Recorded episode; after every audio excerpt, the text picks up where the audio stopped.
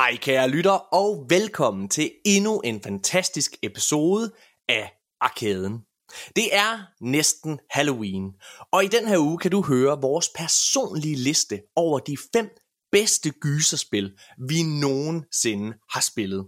Vi diskuterer selvfølgelig også ugens største nyheder inden for spilverdenen. Og i den her uge taler vi om, at Spider-Man 2 har haft den bedste launch nogensinde for et PlayStation-spil. Det har nemlig solgt mere end 2,5 millioner eksemplarer bare den første dag alene. Og nu vi snakker om Spider-Man, så taler vi også om, at Insomniac er åbne for at lave et Venom spin-off-spil. Og vi taler om, hvorvidt det er noget, vi har lyst til. Vi snakker også om, at fyringerne hos PlayStation desværre fortsætter, og at flere analytikere nu spekulerer i, hvordan Sony vil reagere, efter at Xbox officielt har købt Activision Blizzard. Og apropos Activision, så snakker Phil Spencer om, hvilke Activision Blizzard titler Xbox vil genopleve og genbesøge, nu hvor de har kontrollen over firmaet. Ja, vi snakker om meget og meget mere end det, så lad os komme i gang med showet.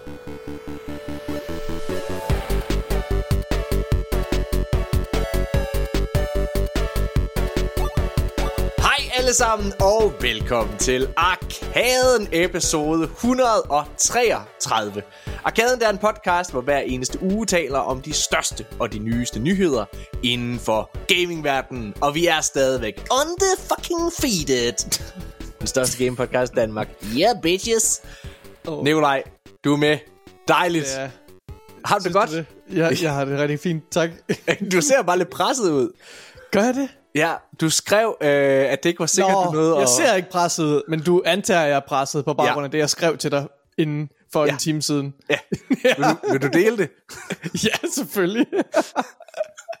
jeg står... Min kæreste og jeg, øh, vi er i gang med at lave mad. Og øh, ja, vi bliver færdige med at lave mad, og øh, skal til at spise. Og jeg går glad, og jeg er mega sulten, fordi jeg har ikke fået særlig meget at spise i dag. Så jeg glæder mig bare virkelig meget til at spise den her lækre mad, som jeg har stået og slidt og slæbt for at lave. Og så går jeg ud af køkkenet og ind i, ind i stuen, og så kigger jeg ned på gulvet. Og så ligger der bare en streg af lort hen ad gulvet. Og så er jeg sådan, ej, op i, op i hedder min kat. For helvede op, ikke igen. Men så får jeg øje på en lort mere, sådan lidt, lidt længere henne, og så er jeg sådan, ej, nej, nej, det kan simpelthen ikke passe det her. Ej, op i din lille lortekat. Og så kigger jeg lidt længere henne, og så er der en lort mere. og så kigger jeg tilbage hen mod badeværelset, og så er der lort på væggen ved siden af badeværelset. nej. Og jeg begynder bare, hele min verden ramler sammen. Jeg er bare sådan, nej, hvad foregår der? Alle mine ting er ødelagt. så vores kat har haft et lille uheld, åbenbart. Et Øh, lille uheld. han, øh, han har åbenbart lidt tynd mave, og så må han have rystet sig eller et eller andet, fordi han har må kunne mærke, at der sidder noget fast. I don't know. Så Ej. uha, jeg gik totalt i panik, og ja, gik bare i gang med at vaske gulv og, og gøre rent sammen med min kæreste. Og så tog jeg katten, kylede den ud på terrassen, mens jeg, eller altanen, mens jeg gjorde rent. Ud og lige over så jeg var færdig med at gøre rent, så gik jeg ud og hentede ham, smed ham ud på badeværelset, og så gik jeg i gang med at spule ham ned med, med hvad hedder det, ja, mens Freja holdt ham. Hold ham! Og så spuler jeg ham imens. Der er jo ikke, det er jo det farligste, den farligste opgave, man kan få, ja. Ja. det er at holde en kat, der får vand på sig, for den krasser ja. jo over det hele. Jamen det er det der med, med op i det, han finder sig bogstaveligt talt i alt, hvad du gør ved ham. Så han, han siger ikke noget. Han vil gerne, meget gerne væk, men han krasser ikke, eller slår, eller noget som helst. Men- Eller, eller miaver for den Han sags skyld. Men jeg tror ikke, han synes, det er fedt. stak. Jeg tror ikke, han synes, det er fedt. Um, Din, øh, din kæreste, hun er jo, øh, hun er jo gravid, Nikolaj. ja, så hun og må der ikke synes, noget kattelort heller. og det er jo derfor, jeg, jeg, synes, det, jeg synes, det er modigt, at du tænker, at, at hvis det nu er, at Obi i dag vælger ja. Ja. at gå græsat og skære en puls over, Ja, så er det bedst, det er på din kæreste, ikke dig. ja helt sikkert. Melina, Og, øh, dig, din dejlige kvinde, du er også med i dag. Har du Det godt? jeg i hvert fald. Øh, ja, jeg har, det, jeg har det bedre i hvert fald. Jeg har været lidt syg i weekenden, men ellers så har det ret Ja, ja, jeg så på, øh, på Instagram, at du øh, skulle streame Spider-Man i mand, nej, undskyld, i fredags, og du altså, Ja. havde virkelig, du havde klædt dig ud og alle mulige ting. Ja, ja, ja. Ja, jeg som, var klar. som, som Spider-Gwen. ja. Og altså, er det under streamen, du får det dårligt, øh, eller hvornår sker det? Ja, altså det er jo egentlig før streamen, at jeg var forbi min læge og sådan noget, øh, og øh, for at vide, at øh, jamen, at jeg har blærebetændelse, og jeg er syg og sådan noget. Og jeg er sådan, okay, jeg har mistænkt det lidt, men været sådan, eh, du ved, whatever. Der har, ikke, der har ikke været noget sådan, det er fint. Men ja, det havde jeg så, og så, øh, jamen, så om aftenen, så begyndte jeg bare, jeg fik det helt vildt dårligt, og min læge havde simpelthen glemt at øh, aktivere min recept. Så jeg kunne ikke... Da jeg var på apoteket, fået, fik jeg at vide af sådan, øh, lægereceptionisten, jamen klokken, efter klokken 1, så går du bare ned og henter din recept. Super, det gør jeg. Så er jeg dernede 10 over 1, så kigger hun bare på mig, hende der på apoteket, sådan, øh, hvad vil du have? Ja, der skulle være sådan en recept. Nej. Nå, hvad gør jeg så? Nej. Men så ringer du til din læge. Jamen, min læge har jo lukket. Altså, hvad skal jeg gøre? Øhm, så om aftenen, der fik jeg det bare rigtig, rigtig, rigtig skidt. Jeg blev virkelig sådan feberramt. Ja. Og det begyndte bare at gøre ondt. Altså alt, alt. Specielt, jeg begyndte at hoste helt vildt. Jeg fik helt ondt i min brystkasse. Og jeg var sådan, hvad er det, der sker? Altså, og så... Altså, fordi du ikke kunne få vejret, eller hvad? Nej, eller fordi hvordan? det trykkede simpelthen Nå. Så meget, hver gang jeg træk vejret. Det trykkede Ej, helt vildt okay. i min brystkasse. Sindssygt. Så ringede jeg 18.13 om lørdagen, som man skal herover. Og så øh, på Sjælland, ja, ringer man 18.13, når man er syg. Hvad, hvad er det? Altså 1813, hvad har vi her i på? Vagtlægen, vel? Har I ikke det? Vagtlæge? Nå, Vagtlæge? okay. Ja, vi, jeg ikke ringer i hvert fald 18. og så øh, får jeg bare sådan en, der er 49 minutters vente, ventetid. Mm. Okay, Nå, men Ja. jeg ligger bare her og dør i sengen, det er fint. Og så når du kommer igennem, så har du sikkert fået sådan en sur overlæge, eller ikke en overlæge, en sur læge i røret. Så siger, Jeg ja, får ikke engang Ja. en læge i røret, Nikolaj. Jeg får en, der siger at til mig, og slukke for den? Nå, men der siger til mig, at hvis ikke din læge har oprettet recepten, så kan jeg desværre ikke hjælpe dig. Øh, hvad? Ej, du skal have en ny læge. Sikke en nar. hvis, lægen ikke har, hvis lægen ikke har oprettet recepten, så har de ikke tilladelse til at lave en recept. Selvom de kan se, at der står, at jeg er syg. Det er lige meget. De kan ikke ja. lave recepten. Så har han sådan, ah, men heldigvis har din læge lavet recepten, så aktiverer den bare, så går du bare ned og henter din penicillin. Mange tak. Ej, sikke en weekend, altså. Ja, og jeg Men vil du- bare gerne spille Spider-Man.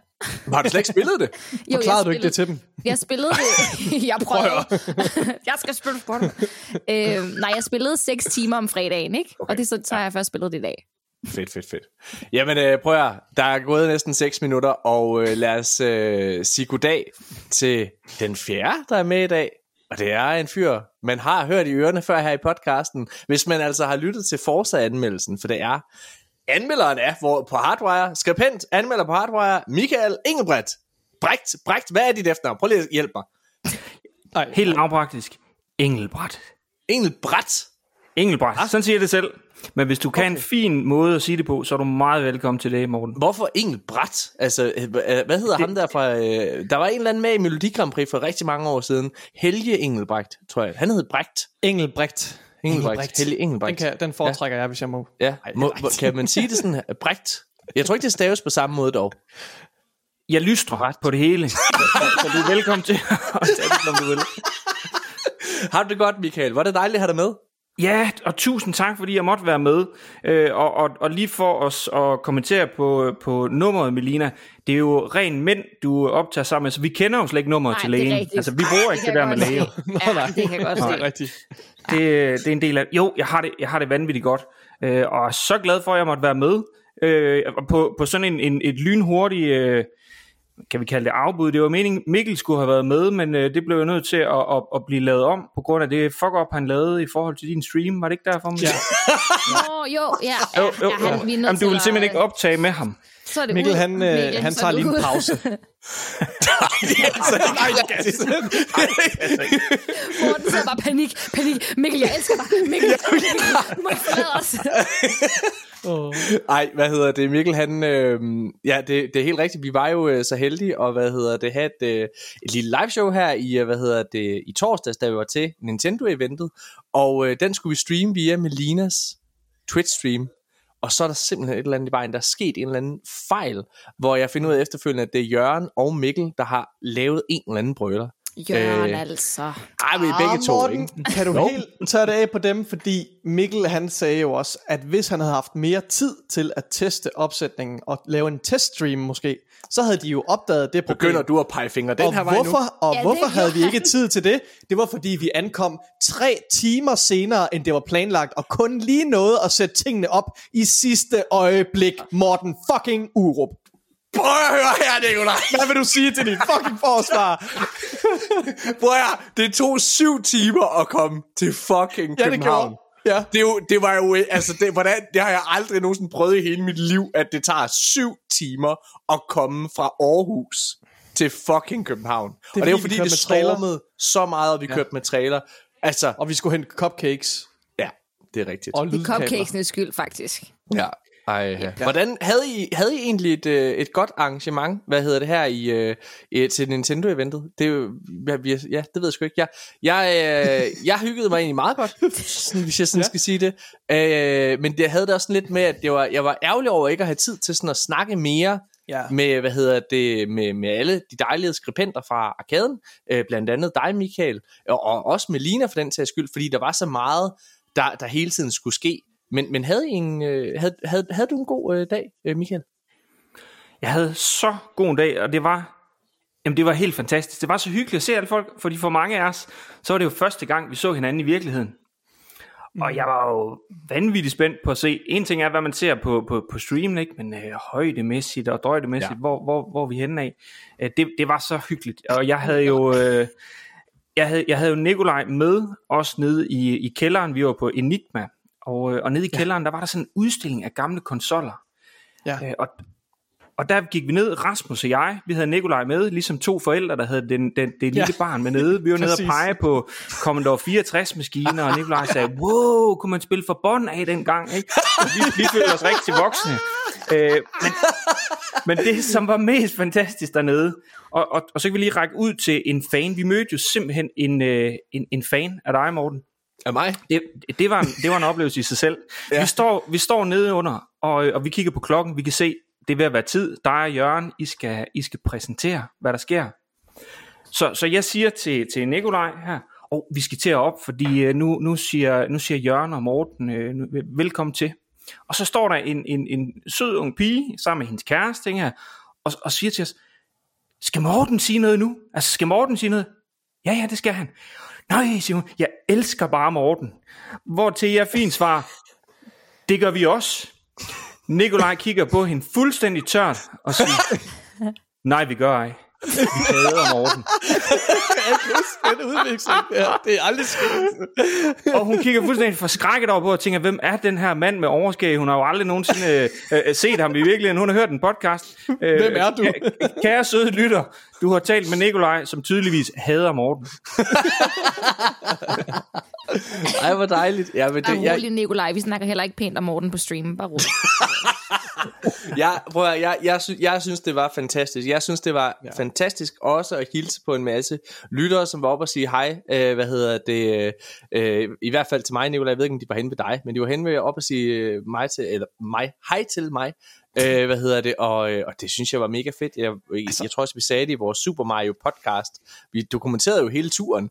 Øh, hvad hedder det? Det blev lidt over tre timer. Det var sgu meget sjovt. Den har ja. også allerede fået gode tilbagemeldinger. Øh, hvad hedder det? Hvor vi også sagde, at det var, det var en fantastisk dag. Men hvad med dig, Melina? Altså, altså noget, du sådan noget var rundt at sige, for du streamede jo. Du. Jeg, jeg havde en opfattelse af, at du bare sådan sad henne i et hjørne med et kamera foran dig, og så snakkede til din chat. Ja, det var også det, vi gjorde meget af. Ja. Det gjorde vi. Ja. Fordi, øh, hvad hedder det, jeg fandt et hjørne, hvor der var internet. Forbindelse. Og Når du først finder et sted, hvor der er forbindelse, og du prøver at gå Ja. ja. væk fra det sted, så er der ikke forbindelse ja. mere. Øh, hvad hedder det? Så jeg synes, det var rigtig hyggeligt. Jeg ville gerne have, hvad hedder det, snakket mere med folk. Altså med dem, der kom som jer og sådan noget. Mm. Jeg synes, jeg har på samme måde med, at jeg ikke rigtig nåede at få snakket med nogen, fordi jeg var live, og fordi det kun var lige præcis i det hjørne, der var internet. Når jeg tog dem med ned under, jeg var sådan, oh my god, der er alt muligt ned under, kom! Ja. Der er ikke nogen forbindelse. Nå, op igen, op igen, op igen, op igen. og så var der så mange mennesker, og så gør det også bare, at forbindelsen bliver værre, jo flere der er samlet på samme sted, ikke? Ja, ja. Ja. Øh, så det var lige det her lille, lille hjørne, hvor der var internet.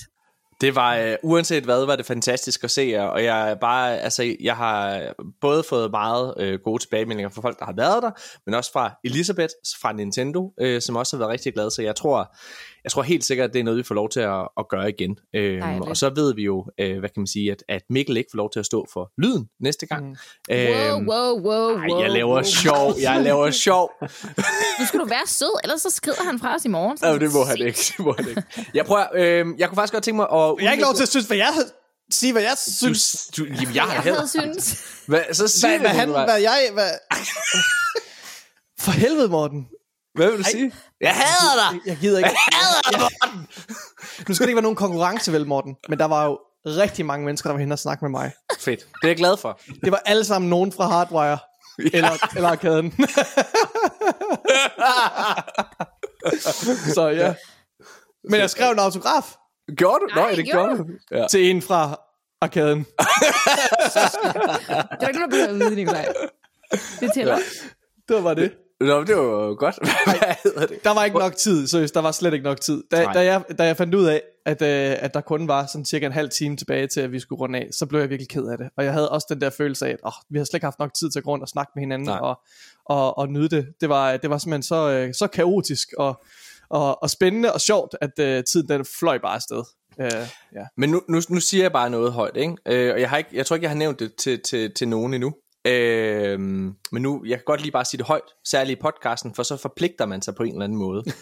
øh, hvad hedder det? Jeg er blevet spurgt af, hvad hedder det, den ene ejer af Hardwire, om øh, arkaden ikke har lyst til at holde en øh, julefrokost. ja. Og øh, det kunne da godt være, at vi kunne det. Øh, og så sad jeg og tænkte, jamen, tør man at optage der, eller skulle det bare være, skulle det bare være en privat lille sammen, øh, sammenkomst, hvor man lige sidder og... Nikolaj, ikke se, du har en holdning. Lukkede døre. Nej, det ved jeg ikke. Kunne man lave et live show ud af det? Det kunne man måske godt. Altså, i hvert fald, ikke live show, men vi kunne godt sidde bare og lave sådan, du ved, optage en lille bitte smule derfra. Det er en men det er, også, idé. det er også bare, når man bliver fuld, så siger man jo også nogle... Siger man nogle dumme ting? Og Jeg, jeg, tænker, Mor- Morten med en promille, ikke? og så lige øh, et optageudstyr. Det, det er i hvert fald en episode, jeg tror, mange har lyst til at lytte til. Spørgsmålet er, om de vil lytte med sikkert. efterfølgende. Ja, jeg er enig, men det skal være under meget kontrolleret forhold, og der skal Ja. være nogle voksne til stede, som ikke er beruset, som kan sørge for, at uh, lyden og det hele fungerer. Har vi sådan nogle voksne? Det vil sige ikke Mikkel. Nej, det gas. Nej, det gas. Nej, stop. Stop. Jeg, øh, jeg, jeg, jeg synes i hvert fald, øh, jeg, det der med i hvert fald at, at mødes alle sammen øh, igen, hvor man har tid, det kunne være rigtig fedt. Jeg synes, sådan havde det også med dig, Melina. Det var sådan, du ved, da du var færdig med at streame på, på din Twitch, og du havde slukket, der var du så på vej hjem. Og det var der, du sådan, så havde du tid til sådan at stå og snakke. Hvad hedder det? Fordi Jeg du skulle jo ikke være blive så længe. ja, ja. Øh, hvad hedder det? Og sådan havde jeg det også lidt med, med, med, med alle de andre faktisk. Det var bare mega fedt, at man havde mulighed for, eller undskyld, det var ikke særlig fedt, at man ikke havde mulighed for at stå og snakke længere, mm. øh, hvad hedder det med folk. Nu øh, kører så Michael lige godnat til hans, øh, til hans datter. Det er jo lige min søn. Det er en søn. søn. Ja, ja, ja. Du skulle bare sagt barn, Morten. Du skulle bare sagt baby. Barn. Babyen, så havde det været ja, godt. ja. Øhm, Nå, men prøv, hvad hedder det? Jeg, øh, jeg kunne faktisk godt tænke mig at benytte den her lejlighed til at øhm, lige at highlight noget alle sammen. Så det er jo sådan, at vi har mange, mange dygtige mennesker her i podcasten. Hvad hedder det? Og i uh, Hardwire og Arkaden regi. Og vi har ros vores øh, skribenter, blandt andet en som dig, Michael, og alle dine dejlige kollegaer. Dem har jeg roset vi rigtig meget. Men der er faktisk en, som jeg ikke synes får nok ros. Og det er dig, Melina. Nice. Me- Melina, helt seriøst. Okay, så vi har jo startet vores øh, YouTube, øh, hvad hedder det, platform til, til hvad hedder det, Arkaden, som Mikkel sidder og, og klipper til. Øh, han har lidt tid nu, inden han bliver opsagt. Og så, hvad hedder det? Ej, det er sjovt. Jeg laver sjov. Ej, det går ikke bedre. Hvad hedder det? Nej, men øh, hvad hedder det? Der, der sidder øh, dig og Jørgen og Mikkel, I sidder ligesom og de primære motorer på den del. Og Jørgen har jo masser af erfaring. Så ham, Ja. vi vidste jo, at han ville levere, og, og det gør han også. Han er skide god til, til de her shorts her. Og jeg har jo også altid haft en god mavefornemmelse med dig, Malene. Ellers ville jeg heller ikke have tilbudt dig at være en del af det, og også have øh, sådan en chance. Men hold kæft, hvor du bare excellerer. Og det er altså hele vejen rundt. Du er så fucking god. Altså, Jørgen har jo teleprompter, det har du også fået. Men til at starte med, så har du det altså ikke. Du sidder, Jeg har og du den sidder... ikke endnu, by the way. Du har den ikke kommet. What the fuck? Okay. Men det er jo bare endnu mere kado til dig, fordi mm. altså, du er virkelig, virkelig, virkelig god, Melina. Mange tak. Helt vildt. Ja. Det synes jeg skulle siges højt. Tusind tak, hvor er du sød. Ja. ja Er du det, syg? Nej. Nej. Nå, Nej, men jeg er synes- jeg synes- Hvad fedter du for? Hvad vil du have? Overhovedet, nej, overhovedet ingenting. Jeg synes bare, det er vigtigt at rose folk, når, øh, når, de, øh, når de er dygtige. Og, øh, og det, det synes jeg virkelig, du er, Malene. Det er helt vildt, øh, hvor, hvor god jeg synes, du er til. Og så gør det til dit eget. Når du sidder og snakker? Altså, hvad hedder det, der kommer sådan lidt uh, Melina personligt, altså den personlige Melina kommer lige en gang imellem, når du sidder også og, og læser højt for de her, uh, hvad hedder det, uh, Du skal se artikler. alle de outtakes, jeg har lavet. Det er fucking sjovt. Hvad gør du? Sender du det? Hvor meget sender du til Mikkel egentlig? øh, jamen, jeg sender fire clips. Mm. Jeg plejer sådan at dele det op, fordi det er også begrænset, hvor meget du kan huske at sige. Ja. Så jeg kan huske to til tre sætninger ad gangen. Ja. Ikke? Men så nogle gange, så går det lige lidt hurtigt, og så får man sagt noget mærkeligt, og så lyder det bare virkelig sjovt. Og så når jeg går igennem dem for at finde de rigtige, for først så filmer jeg det hele, og så går jeg igennem, hvilke jeg skal sende til ham. Mm. Og når jeg så går igennem dem, så er jeg flad af grin, fordi jeg siger de mærkeligste ting. så, ved, så jeg hygger mig ret meget med det.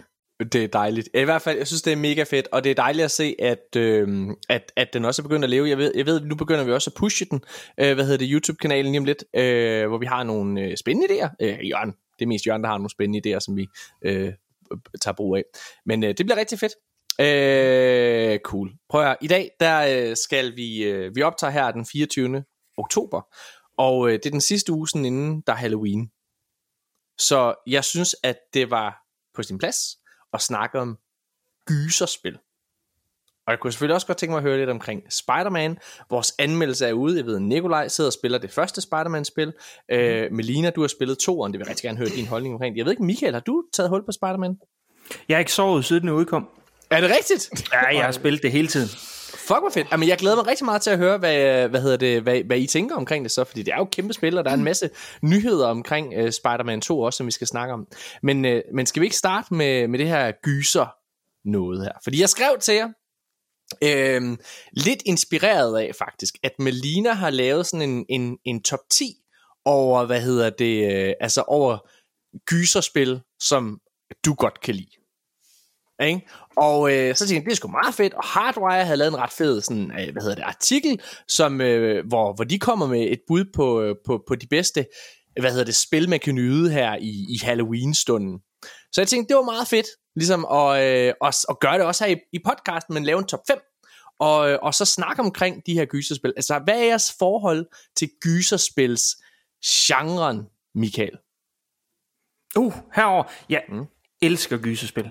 Ja. Jeg, jeg, jeg elsker det faktisk så meget, at selvom jeg kan sidde og være vanvittigt bange, så kan jeg simpelthen ikke slippe det. Ja. Og jeg synes noget af det, de her gyserspil, de kan, de kan simpelthen have sådan en vanvittig medrivende, øh, altså både immersion, men også historiemæssigt, så, så er der mm. altså virkelig tit noget, noget, noget guf at hente i den her genre. Så jeg er all in. Og hvad med dig, Melina? Jamen, altså, jeg er jo den største bangebuks i hele historien af bangebuks. Ved du hvad, jeg lever mig, okay, jeg har en ting, og det gør jeg med alt. Jeg lever mig sindssygt meget ind i det. Om det er en film, eller en bog, eller et spil, jeg lever mig så meget ind i det. De fleste clips, du finder på min kanal, er mig, der skriger. Og ja. det er, fordi jeg får chok konstant. hele tiden. Øh, hvad hedder det? Og jeg, jeg synes, gyserspil er sjove, men der er også sådan lidt en fin balance mellem, at det er et gyserspil, som jeg også er fanget historiemæssigt i dag, som jeg rent faktisk kan gennemføre. Altså, at jeg ikke er så bange, at jeg ikke kan komme ud af skabet, som sådan nogle ja. Outlast-spil, for eksempel. Altså, jeg kan ikke gå ud af skabet. Altså, jeg går ikke ud af skabet. Når jeg først er gået ind i skabet, får jeg ikke ud igen. Altså, og chatten bliver så sur, for det, det går så langsomt. Så det er sådan en balance mellem, det skal være uhyggeligt, men det skal ikke være så uhyggeligt, at jeg ikke kan spille det. Hvad med dig, Nikolaj? Altså jeg har en meget, øh, jeg er nok en, en, måske en endnu større bangebuks muligvis end Melina. er. Altså jeg har historisk set øh, kørt en stor bue udenom gyserspil. Øhm, men, men samtidig må jeg også anerkende, at jeg kan, jeg kan godt lide gyserfilm. Altså jeg synes det der med altså uhyggen og frygten, som det, som det inducerer, det, det fanger virkelig ens opmærksomhed. Så, så tit når jeg er, ser en gyserfilm, så, så lever jeg mig også virkelig ind i det og bliver virkelig fanget af det. Og jeg tror, at gyserspil har den samme øh, effekt øh, på mig. Men, men, men ja, det er noget andet der med, når man selv er agenten og selv bevæger sig rundt mm. i de her omgivelser her. Det er nogle helt andre, og jeg tror nogle mere kompetente virk- virkemidler. Jeg ved det ikke med sikkerhed, for jeg har ikke spillet ret mange gyserspil, og det bærer min liste i den grad også præg af. Der er måske lige de fem spil, som jeg trods alt, trods alt har spillet, som man kan, øh, hvad hedder det, hvor man kan sige, at det er gyserspil. Og Morten øh, vil jo øh, have, hvad hedder det, foreslå jo også Minecraft som et survival horror spil på den liste. Den, den er til gengæld ikke på min liste heldigvis, men, øh, Ej, ej, jeg, så, jeg så listen, Nikolaj. Jeg kunne se anden pladsen, det var Flight Simulator i tordenvejr. Ja. Det var jeg overrasket over. det skulle det have været. Det vil være Flight Simulator på anden, første, anden, tredje, øh, fjerde, femte pladsen med forskellige øh, vejrfænomener. Jeg, øh, jeg, jeg, jeg, jeg har et anstrengt forhold til gyserspil. Fordi jeg har det, præcis som du siger, Melina, jeg lever mig rigtig meget ind i det. Og øh, jeg, jeg var faktisk her i dag, der øh, hvad hedder det, øh, stillede jeg op til en, øh, en samtale med, øh, med hvad hedder det, sådan en eller anden erhvervsskole op i Aarhus, som, hvor de sad og havde øh, om, omkring øh, hvad hedder det, øh, spilmedier osv. Og, og der fortalte jeg også omkring det her, altså hvorfor spil er så vanvittige, og det er jo fordi, når du sidder og spiller noget, så lever du dig ind i det på en måde, som du bare ikke gør, når du ser en film, eller ser en tv-serie for den sags skyld, fordi der er en armslængde til det. Og jeg, jeg talte omkring det her med, at jeg synes, det kunne være rigtig spændende, fordi de spurgte sådan om, jamen, hvad skulle man gøre for ligesom at gøre spil mere, øh, altså give dem, lade dem fylde mere på skolebænken på en eller anden måde. Og der sagde jeg, jeg synes, at det kunne være rigtig spændende, hvis det var, at øh, fordi, og jeg nævnte faktisk Lav Eskilsen her fra, fra Hardwire, fordi han er jo historielærer, han har brugt Assassin's Creed i hans øh, historieundervisning øh, og så videre. Det synes jeg er rigtig fedt. Jeg synes, at jeg vil tage det et skridt videre. Hvis jeg kunne vælge, så i stedet for at sidde og læse noveller og så videre, jamen, så prøv at spille et spil, som, hvad ved jeg, sådan et indie-spil som Gone Home for eksempel. Giv det til en klasse, som handler om, spoiler alert, en, øh, hvad hedder det, en, der har begået selvmord, fordi at, øh, hvad hedder det, vedkommende er homoseksuel. Og det foregår ligesom i USA, og det føles som sådan en gyser, øh, hvad hedder det, øh, og så videre. Det tager halvanden time, eller What Remains of Edith Finch, eller sådan nogle ting, eller The Last of Us, nogle ting. Altså ja. spil, fordi historie kan være så vanvittig, der er så meget kunst i et computerspil, og det kan ramme dig, og det at give en skoleklasse, øh, sådan, du skal spille det her spil til på fredag, og så skal du fortælle, hvad det har betydet for dig. Hvordan har det her ramt dig? Mm. Det kunne skabe nogle vanvittigt spændende debatter på skolebænken. Mm-hmm. Og det var et langt svar for at sige, sådan har jeg det også lidt med gyserspil. Altså gyserspil provokerer bare på en anden måde, når du selv oplever det. Det rammer dig på en anden måde. Og øh, derfor så tør jeg ikke rigtig spille dem. Fordi jeg føler, at det er mig, der på en eller anden måde dør. Altså, øh, ikke også? Altså, det, jeg, jeg, altså det, er, det er for tæt på, på en eller anden måde, i gysergenren på spil. Men alligevel, så må jeg indrømme her i dag, da jeg skulle, øh, hvad hedder det, sad og, og lavede min egen liste. Hold kæft, hvor har jeg spillet mange spil, der er af gysergenren. Ja. Øhm, og jeg hjalp Nikolaj i går lige sådan, fordi han sagde, jeg har aldrig spillet noget, Morten. og så, hvad hedder det, og så tog jeg bare sådan, du ved, de titler, jeg vidste, han havde spillet som jo er under survival horror kategorien. Og så viser det sig jo, at selv Nikolaj har faktisk spillet ret mange gyserspil. Ja, ret mange. Det er Ej, men, altså, jeg kunne nævne nogen sådan fra, den, fra hoften. Ja, men Minecraft, Morten. Okay, My, men Minecraft jeg, altså, er jo teknisk set en survival... Det er scary, når du er langt nede under jorden, og pludselig så kommer der sådan en klam lyd, og du er sådan, hvad fuck var det? Ja. Altså. Altså, det er... T- jeg jamen, har jeg, i Minecraft, altså, real. Jeg er ikke meget forældre om, at jeg er enig, men altså... Ja. Jamen, ja, det jeg er jo en... vil godtage det. det er jo en øh, det er jo, det er jo, det er jo sådan en spændende ting, fordi det er, det er jo teknisk set en survival horror. altså teknisk set med alle de her monstre og så videre. Men nej, selvfølgelig er det ikke helt. Ja. Okay, crazy, crazy, crazy. Lad os, øh, lad os hoppe ind i det. Skal vi ikke gøre det? Altså, oh, hvis vi bare sige, jeg skrev også til dig, Nikolaj, Grounded teknisk set er en survival horror. Øh, der er jo, når du starter Grounded spillet For op, Uh, mm. Så får du sådan en, hvis du har arachnofobi, ja. så skal du ikke spille det her spil. De fucking æderkopper. Oh my fucking god. Har du spillet ja. Grounded, slået, Melina? Ja, det har jeg. Jeg har Nej. også slået øh, det der um, arachnophobia på i Hogwarts Legacy. Ja. ja.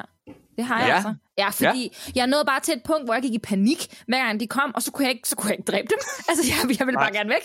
Og så var jeg sådan, nu sætter jeg det på. Og så blev de meget sjovere at se på, og så var det okay. Men det er stadig det der med, at jeg ved, det er nederkop. Jeg ved, mm. jeg, jeg ved ja. hvad det er, når jeg ser ja. dem. Det er klart. Ja. Skal vi prøve at lave vores øh, individuelle top 5 her over, hvad vi synes de bedste gyserspil, vi har spillet, har været. Og øh, jeg vil bare lige sige den sige for disclaimer min, min liste, det er bedste gyserfilm, det er jo ikke be, eller gyserspil, undskyld, det er jo ikke bedste spil nødvendigvis. Nej, øh, og hvad hedder det så, så det er jo bare, hvad jeg synes er et godt gyserspil. Øh, men øh, prøv at høre her, Michael. Skal vi starte med dig, din bandit? Hvad er på din femte plads? det her, det var så svær en opgave. Og det var det, fordi, hvordan går man til det her? Og til at starte med, så havde jeg jo den der tanke, hvad, hvad har været mest uhyggeligt gennem tiden? Og det synes jeg faktisk var en forkert måde at gribe det an på. Så det jeg har taget i stedet for, det er, jeg har sagt, hvad for nogle top 5 horrorspil kan du spille i dag, som stadig er, er, er fantastiske. Mm-hmm. Så lige ved at være på min femte plads, der var Condemned, nu er det bare en honorable mention Okay. fra Xbox 360. Jeg ved ikke, om ja. I nogensinde har spillet det. Er det, det, er sådan er, et- det, er det med mannequin-dukkerne? Præcis. Fuck, det er klart. Præcis. Og, og, og det som Morten han hentyder til her, det er, på et tidspunkt kommer du ind i et rum, og så ser du nogle mannequin-dukker, går lidt videre, vender dig om, og, og så har de her mannequin-dukker flyttet placering. Og når du vender dig om igen, så flytter de placering igen. Det var vanvittigt uhyggeligt. Men jeg har ikke taget den med på min femte plads. På min femte plads, der har jeg taget Outlast, som du også ja. nævnte, Lena det kan altså noget i det spil. Og det er jo her, hvor du får strippet alt, hvad der hedder øh, våben og så videre fra dig. Du har et øh, håndholdt kamera, hvor du har noget night vision på. Du skal skifte batterier og så videre. Øh, og øh, så skal du ellers klare dig igennem det her klamme, klamme hus og komme ud på den anden side. Ja. Det vil du ikke Vanvittigt spille, godt Nikolaj. Det er på sådan Ja. ja. et... Har faktisk ja, været med ja. til at spille det. Jeg, tror, jeg tror, det var mig, der spillede i 10% af tiden, men øh, Same. jeg, jeg så det hele. Ja, same. Det er, det, er jo, det er jo det her spil, hvor, øh, hvor du er på sådan en gammel sindssyg hospital af en eller anden art, hvor der øh, husker det som. Altså, øhm, hvor, hvor, hvor tingene bare er gået øh, helt galt. Du en, Øhm, jeg husker det som, du er en journalist, der skal finde Ja. beviser for, at den er helt Ja, galt derinde. Ja, det Det er, er, ikke rigtigt. så, altså, det er et stykke tid siden, jeg har spillet det, men jeg, Ja. spil, jeg spillede det ikke selv. Jeg spillede starten, og så blev det for meget, så var jeg til et lagen, og så var der en af mine viewers, der var sådan, jeg kan godt spille det for dig. Be my guest. og så sad jeg bare ved siden af med headsettet sådan halvt på. Det er klart. Perfekt. Nikolaj, hvor, hvor svær var den her liste for dig at lave? Jamen, den er, den er ret svær. Øhm, ikke, nok ikke af samme årsag, øh, som det var svært for, for Michael, for jeg har ikke ret mange lister, og jong- eller jeg har ikke så ret mange spil at jonglere, så jeg kunne ligesom meget hurtigt sætte fem spil på den liste. Ja. Men hvordan de skal rangere sig i forhold til hinanden, det afhænger meget af, hvordan man har lavet øh, listen, på, på hvilken øh, baggrund ja. man har lavet det. Øhm, og øh, ja, altså jeg har, jeg, har, jeg har ikke taget det ud fra sådan en ren horror, så jeg har ikke rangeret det efter, hvad jeg synes, der er mest uhyggeligt. Det er nok en blanding af, at øh, for, for at det skal være på listen, så skal det være altså sådan i, inden for horror, horror-genren. Mm. Det kan godt, det ikke, det er ikke ensbetydende med, at det nødvendigvis er mega uhyggeligt, fordi så ved jeg, ikke, ved jeg ikke, om jeg kunne komme i tanke om fem spil, som jeg rent faktisk har spillet. Øhm, ja, så, så, men, men, men så er det rangeret mest efter, om, om jeg også synes, det er gode spil. Ja. Øhm, så ikke kun, om- ikke kun horror-elementerne. Ja. Skal jeg sige, hvad min femteplads er? Det skal du. Vi kan godt gætte det, Nikolaj. Ja, Det er Luigi's Mansion. ja, det er præcis. Et Nintendo horror-spil. Nå, nej. øhm, det er uh, Last of Us Part 1. Ja. Som teknisk set er et horrorspil. Øhm, Det ikke har fordi jeg faktisk jeg ikke tænkt på. synes, det er særlig uhyggeligt.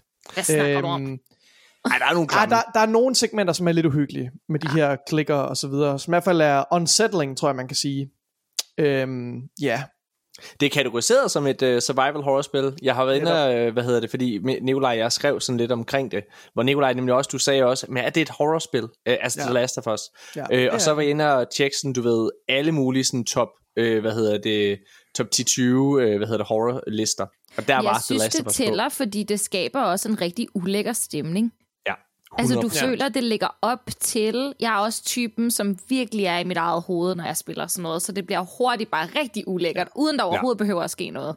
Ja. Og det synes jeg, det er rigtig god til. Altså, det, det, det, det gør den Og, godt. og, og også, den har jo, The Last of Us har det her crafting-element, ikke også? Altså, hvor du sidder og crafter, men når du crafter, spillet er stadig i gang.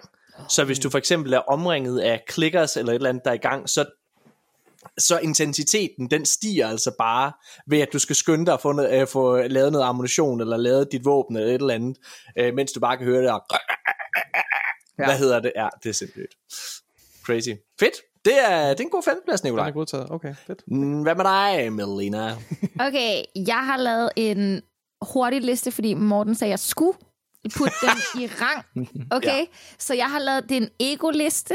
Det er øh, ikke i hvilken en, der er mest scary, men det er, hvad jeg synes har været bedst sådan min oplevelse, hvad- i hvert fald sådan, hvad jeg synes var bedst. Men det var lidt svært her med de, de sidste.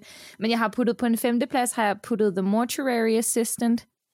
Det er fucking klamt. Du Hvad er det for spil? Du spiller undskyld. sådan en ligehusassistent. Øh, så du bliver ringet... Okay, du starter, op, starter ud med, at du bliver ringet op, og at øh, der er kommet nogen lige ind, og der er ikke nogen andre, der kan tage vagten. Du er nødt til at tage vagten. Så kommer du ind på arbejdet, og du ved, tingene er sådan lidt weird. Og pludselig finder du ud af, at du er låst inde.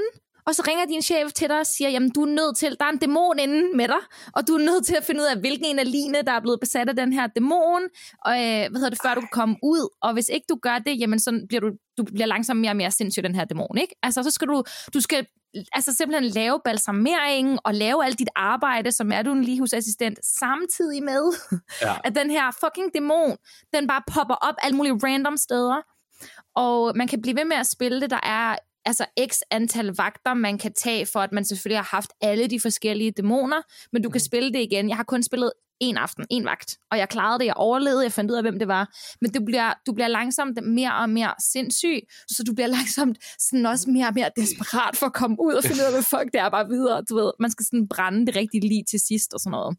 Okay, det, det, det har jeg aldrig hørt om, det spil. Det lyder som en fejl. Det lyder som et fedt Ja, koncept. det skal du prøve. Mm, ja. Ja, okay, det er scary, sindssygt. det er virkelig scary. Der er mange jump scares. Så Nikolaj, du skal ikke spille det. Du skal ikke spille det.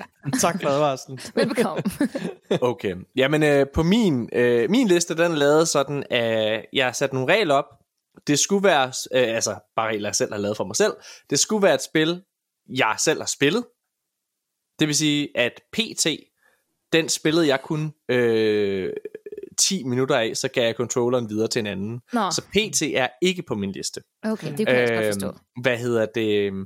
Og, øh, og så som sagt, så skulle, det være, så skulle det være spil, som gjorde noget exceptionelt, altså sådan i forhold til gys og, øh, og så videre der. Så jeg, altså for eksempel øh, øh, Amnesia The Bunker, som vi anmeldte her tidligere, er ikke med på min liste. Øh, Outlast, som du nævnte, er heller ikke med på min liste. Den kom, øh, nåede heller ikke lige at, at ind på, på listen der. Men på min femte plads, der er The Last of Us Part 2 øh, som jeg synes er mere uhyggelig end det første spil. Jeg synes, øh, der er øh, ting i The Last of Us Part 2, særligt der er, en, øh, der er på et tidspunkt, hvor man skal ned til Ground Zero, som man kalder det, som er det her sted, hvor epidemien efter sine starter. Og det er bare fucking klamt. Og spillet leger med lydene og bygger stemningen op, uden at spoil for meget, så går der ret lang tid, inden at det egentlig eskalerer dernede, som det jo selvfølgelig gør. Og det er mesterligt. Og generelt så er der bare så mange af de her de, de leger med klikker, og de her zombier også på nye måder i toren, øh, hvor, hvor, hvor jeg synes, de bliver meget klammere. Men faktisk så er det jo sådan, som det ofte er i, i zombie zombie-spil. Det er menneskerne, der er de mest ubehagelige, altså hvor det virkelig bliver skræmmende. Men jeg synes, den der, altså der kan jeg huske, der kunne jeg næsten ikke holde ud og gå ind ad døren. Øh, altså øh, nede i, i Ground Zero, der i The Last of Us Part 2, det var et vanvittigt sted, kan jeg huske. Hold kæft, jeg var bange. Ja. Okay. Michael, hvad er din fjerde plads? På fjerdepladsen, der har jeg sat Alan Wake. Alan Wake 1 er sådan en fantastisk minde, jeg har helt tilbage fra, fra da det kom. Hele den her atmosfære, de bygger op, den her Twin Peaks øh, setting, de sådan ligesom kører det hele i. Vanvittigt godt spil. Og, og, og sådan hele den her unsettling stemning, der er i det, det er det her med, at du ikke sådan helt ved, hvad der sker, og du skal rundt og udforske øh, tingene. Og så er det jo også øh, nærliggende at, at lægge den op. Nu kommer der jo en tor, som, øh, som rammer på fredag. Mm. Og, og jeg har jo, altså jeg har jo i, i, øh, igennem den tid, vi har, har lært hinanden at kende her i Hardware, har jeg virkelig taget nogen forholdet. Jeg har anmeldt øh, Forza Motorsport, jeg har anmeldt øh, øh, Armored Core to dage inden Starfield, og jeg kan bare mærke, nu der får jeg simpelthen lov til at anmelde sådan et stort spil som Alan Wake. Jeg fik jo ikke lov til at anmelde Spider-Man 2, den fik David, Assassin's Creed fik Lav, men Alan Wake 2, den er jeg sikker på, den lander øh, hos mig til at skulle anmelde det. Det glæder mig Ja. så meget til. Så giver jeg breaking news, Michael. Øh, Den er ikke øh, landet ved dig. Nej. Åh, Michael! Det er, ja, ja, og det er ikke, fordi vi ikke har haft koder nok. Øh, Hvad så er det, du siger, Morten? Morten, skal, skal du låne en skov, eller du meget fint? hvad hedder det? Kasper Pedersen har fået lov til at hvad hedder det, anmelde det for Hardwire. Så har Melina selvfølgelig fået en øh, kode til det. Jeg har fået en kode. Og så har Jørgen Bjørn fået en kode. Øh, Hold da op. det er jeg sgu ked af, Ja, Michael. ja, hold da op. Hold da op. Wow. Kasper. Kasper Pedersen alligevel. Jamen, han, han kender ikke engang til Alan Wake. Er det ikke rigtigt? Nej, det er gas. Jeg vidste det. Det er, det er så fint. Jeg er ked af det, øh, sådan, øh, for tiden, men øh, sådan der. I virkeligheden er det derfor, jeg har fået lov til at være med i dagens episode. Det er som et plaster på såret. Plaster. Ja. Det er det i hvert fald nu, Michael. ja. Nej, jeg, prøv, jeg, er, jeg er virkelig enig med dig. Uh, Alan Wake, uh, det første spil, er virkelig, virkelig godt. Og det var også, jeg spillede det dengang det udkom på Xbox 360, way, way back, ikke? Og jeg kan huske, det var, sådan, det var et spil, som var så unikt, fordi selvom at historiefortællingen helt klart var begyndt at blive god i- på, på, på spilfronten, så, øhm, så var det en af de første spil, som virkelig, du ved, havde en stemme, altså sådan narrativt og legede med virkemidler. Det var sådan meget Stephen Kingsk øh, og Twin Peaks, som du også selv nævner. Det er virkelig et unikt spil. Øh, meget, meget enig. Det er, det er desværre ikke på min liste, men, øh, men det er, jeg er meget enig i. Det er fucking Altså, godt jeg og har lige uhyggeligt. gennemført det op til toeren. Ja. Og, øh, remaster-tingen der, Ja, ja, på Playstation. hvordan holder, Øh, den, øh, hvordan holder det? Altså, jeg synes, det var godt. Jeg synes, Mhm. det, mm, jeg synes ikke rigtigt, det er en gyser, ud over jumpscares fra de der mænd, der kommer hele tiden. Og så det der med, at du bliver jagtet. Ja. Det tror jeg er mere det, som var scary. Det er i hvert fald det, der får mig til at skrige. Det er fordi, de pludselig så er de der bare, og det er fucking ja. ulækkert. Kommer ja. man lige gående rundt om hjørnet, så står der bare en i hovedet på dig. Det er lidt ulækkert. Sindssygt. Øhm, men jeg har hørt, at toren skulle være mere gyser-gyser. Ja. Så det glæder Er du, jeg mig faktisk er du til. startet, er du startet på det nu? Nej, nej, nej, nej, nej, Nej, nej. Jeg starter nej, på det på fredag på stream. Jeg skal, Okay, ikke, fedt, for jeg fedt, skal ikke have ødelagt det for noget, for så får du heller ikke the genuine reaction, og så er det ikke lige så fedt mm. fra folk. For folk. Ja, jeg er startet på det. Jeg glæder mig rigtig meget til at høre, hvad I tænker. Nej, det er også yes. tavligt. Nå, prøv at høre. Hvad er din øh, fjerdeplads, Nikolaj Jyde? Min øh, fjerdeplads, det er øh, et spil, som øh, jeg teknisk set ikke rigtig har spillet, og jeg har set meget, meget lidt af det. Men det kommer ind på min fjerde plads alligevel, fordi det har gjort et så stort øh, indtryk på mig, øh, og det er øh, Alien Isolation. Og jeg tror, hvis jeg havde gennemført det, afhængig af, hvordan min oplevelse havde været med det, så havde det måske været højere på min liste. Øhm, men, men det er meget begrænset kontakt. Men jeg synes bare, det er så fedt et koncept med, med Alien Isolation. Øh, og det er sindssygt uhyggeligt. Altså, øh, og det her med, at du som spiller ikke har nogen tryghed i, at det ikke er, sa- altså der er, ikke nogen, der, er, der, er, der er en form for tryghed at finde i det, at et spil er scriptet, og du ved, at du når til, at, at, at når jeg er færdig med den her sekvens, så er der sikkert en pause, eller hvad ved jeg, eller sådan noget lignende. Og der er jo en lignende struktur i Alien Isolation, men der er også et stort element af usikkerhed i, hvornår du bliver konfronteret med det her monster, som giver et ekstra lag af uhygge, og det synes jeg bare er vildt fedt lavet. Det der med, at den kan komme og hapse dig, mens du står og saver spillet. Det er bare ja. rigtig godt. det er sindssygt. Ja ja, Sindssygt. Stærk titel, Nikolaj. Hvad med dig, Melina? Hvad er din fjerdeplads? Jamen, øh, jeg har lagt uh, Little Nightmares ind på min fjerde plads. Både etteren og toeren som en, fordi de hænger sammen, og de er bare rigtig gode. Jeg kan generelt rigtig, rigtig godt lide puzzle games. Jeg synes, det er virkelig sjovt at spille puzzle games, og jeg synes, at Little Nightmares-serien er mega god. Den er uhyggelig, men den er igen ikke så uhyggelig, at man ikke kan gennemføre det. Det kan man godt. Prøv lige Øh. sælge mig på Little Nightmares, for jeg har hørt den titel blive slynget ud rigtig, rigtig mange gange, men jeg har aldrig, jeg har aldrig spillet det. Jeg ved ikke engang, hvad konceptet er. Jeg ved, det er sådan lidt et indie-agtigt spil, ikke? Mm, det er et...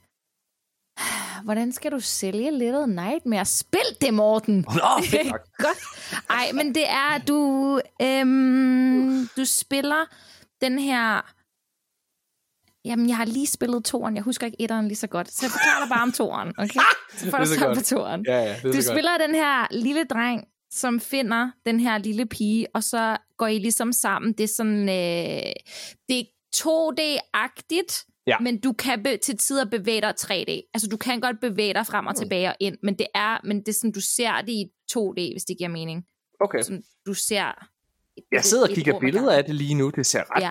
Altså virkelig sådan... Øh, Der er sådan et sted, lad os tage det der, kan du huske det, jeg snakker om med mannequinerne, det var det præcis det, jeg tænkte på. Der er sådan Ja. et sted, hvor at, øh, når du øh, ikke lyser på dem, så kommer de og tager dig, Morten. Nej, nej, så nej. kommer de og tager dig i turen. Så hvis du ikke lyser på dem, så er du død.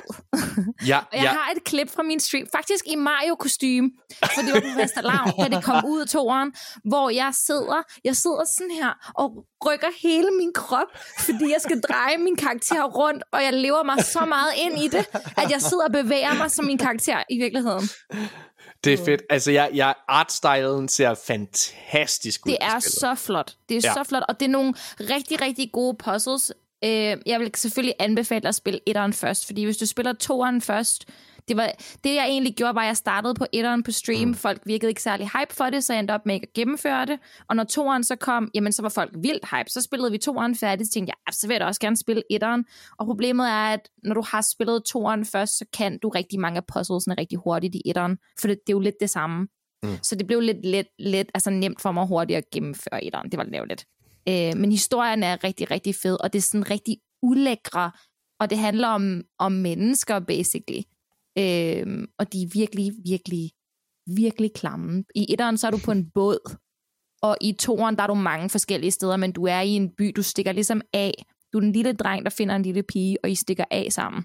Mm. Du redder hende fra, hun virker til, hun er fanget i et hus, og så redder du hende, og så stikker I af, og så er I langt væk i en eller anden virkelig, virkelig fucked up by.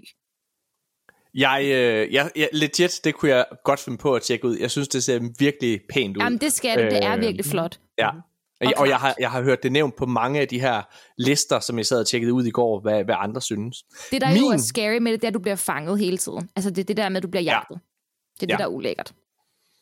Min øh, fjerdeplads, der er også en øh, lang chase i. Det er faktisk et spil, jeg har spillet øh, i år. Og øh, det er øh, Resident Evil 4 remaket. Som jeg synes er øh, mesterligt. Øh, Jeg synes, det var virkelig, virkelig godt. Jeg tror, det var ikke så uhyggeligt, som jeg havde regnet med, men du ved, der er bare så mange horror tropes, og det, det, det, jeg tror, det er sådan, jeg tror faktisk Resident Evil 4 remaket er, du ved, det er sådan, det er blockbuster-versionen af et, af et horrorspil, det er sådan, det er ret let tilgængeligt. Jeg, jeg, selvom at folk tænker, ej, det er nok for uhyggeligt til mig, men det er det faktisk ikke. Det er ret let tilgængeligt.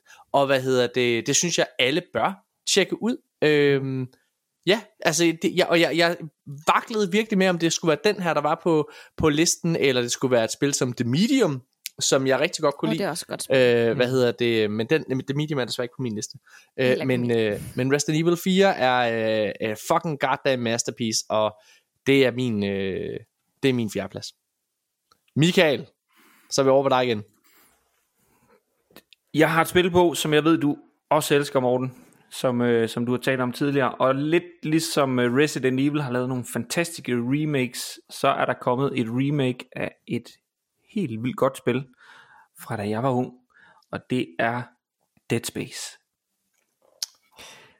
Og det er jo lige på vej til Game Pass lige om lidt. Så hvis man er Game Pass abonnent, så skal man ind og spille det spil Seriøst? hele den her atmos- atmosfære, øh, det, det her simple præmis, at du skal ind og finde ud af, hvad der er sket, og din kone er ombord på det her store øh, rumstation. Øh, det, det er, jeg, jeg spoiler ikke noget, men det Nej. er vanvittigt godt og vanvittigt spændende.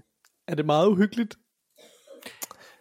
Det er mere uhyggeligt end, øh, hvad hedder det, øh, end Resident Evil 4, men øh, ja, jeg, altså jeg synes, det skulle du tage at tjekke ud. Det synes jeg Det helt er, klart. er det også sådan Helt- lidt helt dumt sjovt, eller hvad? Nej. Nej, Nå, okay. Så er der ikke noget, der redder mig.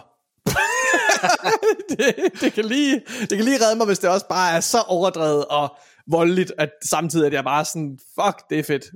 Lad os, øh, lad os gå videre til, mm. til dig, Nikolaj. Nikolaj, hvad er din tredje plads? Øhm, ja, min tredje plads, det er øhm, endnu et spil fra Naughty Dog. Det er selvfølgelig Last of Us Part 2. Øh, og så kan man undre sig over, hvorfor ligger den så højt på en horrorliste? Men det gør den, fordi, og jeg er fuldstændig enig med, med din konklusion, Morten, at Last of Us Part 2 er altså væsentligt mere uhyggeligt end Part 1. Det jonglerer også med nogle lidt mørkere øh, menneskelige temaer. Jeg ved, øh, fordi du, du nævnte det her med øh, sekvensen, hvor man er nede i, i kælderen, eller nede, i- nede i isolationsrummene, øh, rummene, Ja. på et stort hospital, og det er, det er fucking fedt, øh, fedt lavet. Øhm, men der er nogle andre sådan mere menneskelige, mørke temaer. Altså blandt andet den skæbnen, som nogle af, af hovedkaraktererne har i det her, er utrolig mørke. Øh, og ja, så- og det synes jeg også fortjener et, øh, et noget, noget kado i forhold til det her øh, survival horror genren. Øhm, og det er jo bare et, et fabelagtigt spil, og derfor får det lov til at ligge så højt på min, på min horrorliste. Melina, din tredje plads. Øh, jeg har lagt en, et spil, der hedder A Dead of Night, øh, som øh, jeg har gennemført helt selv. Helt selv, og jeg er rigtig stolt af, at jeg har gennemført det, for det var fucking ulækkert. Men øh, det handler om, at man er sådan en, en pige, der er på et hotel, og du bliver fanget på det her hotel. Dine venner bliver taget fra dig og låst inde, og du ved ikke, hvor de er. Og du skal så prøve at slippe ud fra ham her hotelejeren, der hedder Jimmy. Øh, og så for at slippe ud, så skal du så du ved, finde ud af hans hemmeligheder, altså for at kunne komme væk, ikke? Og så også finde dine venner selvfølgelig. Mm. Og det er sådan noget, hvor du går... Han går basically rundt ude på gangene på det her hotel. Ikke? Og så skal du jo så finde nøgler til de forskellige værelser, komme ind i værelserne, og så skal du kigge bagud og se, om han er der. Og hvis han er der, så skal du nå ind på et værelse, og ud på dør, eller ud på badeværelset og lukke døren, eller gemme dig i det. Skal, altså, det er så klamt, fordi han er hele tiden lige fucking bag dig. Det er så ulækkert. Jeg hader det. Det er det værste. Den værste følelse, jeg kender, det er det der med at blive jagtet. Og jeg er så stolt, fordi jeg gennemførte det. Det er mega fedt, at du har virkelig øh, nogle mere øh, obskure titler end os andre. Det synes jeg er virkelig fedt, Melina. Øh, og det må jo være fordi, at du, øh, at du har den her Twitch-stream, altså og ved, hvad der sker der. Fordi at min fornemmelse er, at der er plads til den slags ting på Twitch, ikke? Altså der Jo. er plads til, at man spiller, du ved ikke bare nødvendigvis et blockbuster-spil, og det synes jeg virkelig fedt.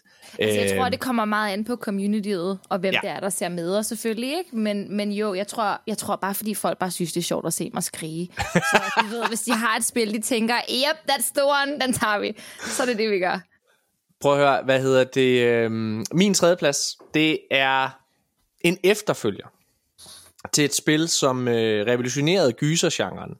Øh, fordi i 2008, der udkom der, den 13. oktober for at være helt præcis, der udkom der et spil, der hedder Dead Space. Og det, øh, det kom på alle slæber. Alle snakkede om det. Jeg spillede det og snakkede om det, og, og det var mesterligt. Og man tænker, hvordan kan man overhovedet overgå et spil som Dead Space? Og det skulle man ikke tro, men det gør de med Dead Space 2. Øh, fordi den udkommer i 2011, og Dead Space 2 er mere uhyggelig. Det har en bedre historie end det første, øh, og har en af de klammeste sekvenser, jeg nogensinde har oplevet. Øh, altså, så du kommer hen mod øh, tæt mod klimaks i det her spil, og det er jo sådan et zombieagtigt øh, spil, semi, og der er sådan et, et der er sådan en modstander, som du ikke kan slå ihjel. Og der er en lang, lang, lang, lang, lang, lang bane, hvor der er den her ting, den er efter dig.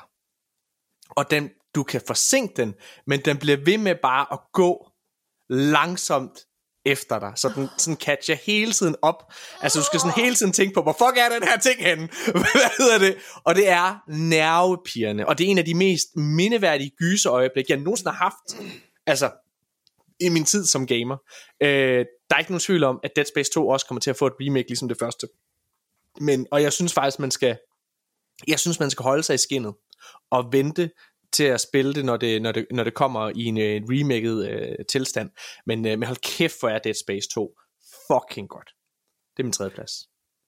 Det, det, det er vanvittigt godt, vil jeg lige sige. Og så er der en lille del, de har taget med i, hvor man tænker, ah, det har de ikke gjort. På et tidspunkt, så kommer du ind til det her børnehospital. Ja, det er rigtigt. Det er fucking klamt. det er fucking Og, klamt. og, og her der tænker man, ah, man, man, man messer ikke med børn. Altså, du, du laver ikke noget med børn. De, de er fuldstændig ligeglade. Ja. Så når du kommer herinde, så kommer der simpelthen kravlende små alien zombie børn efter dig.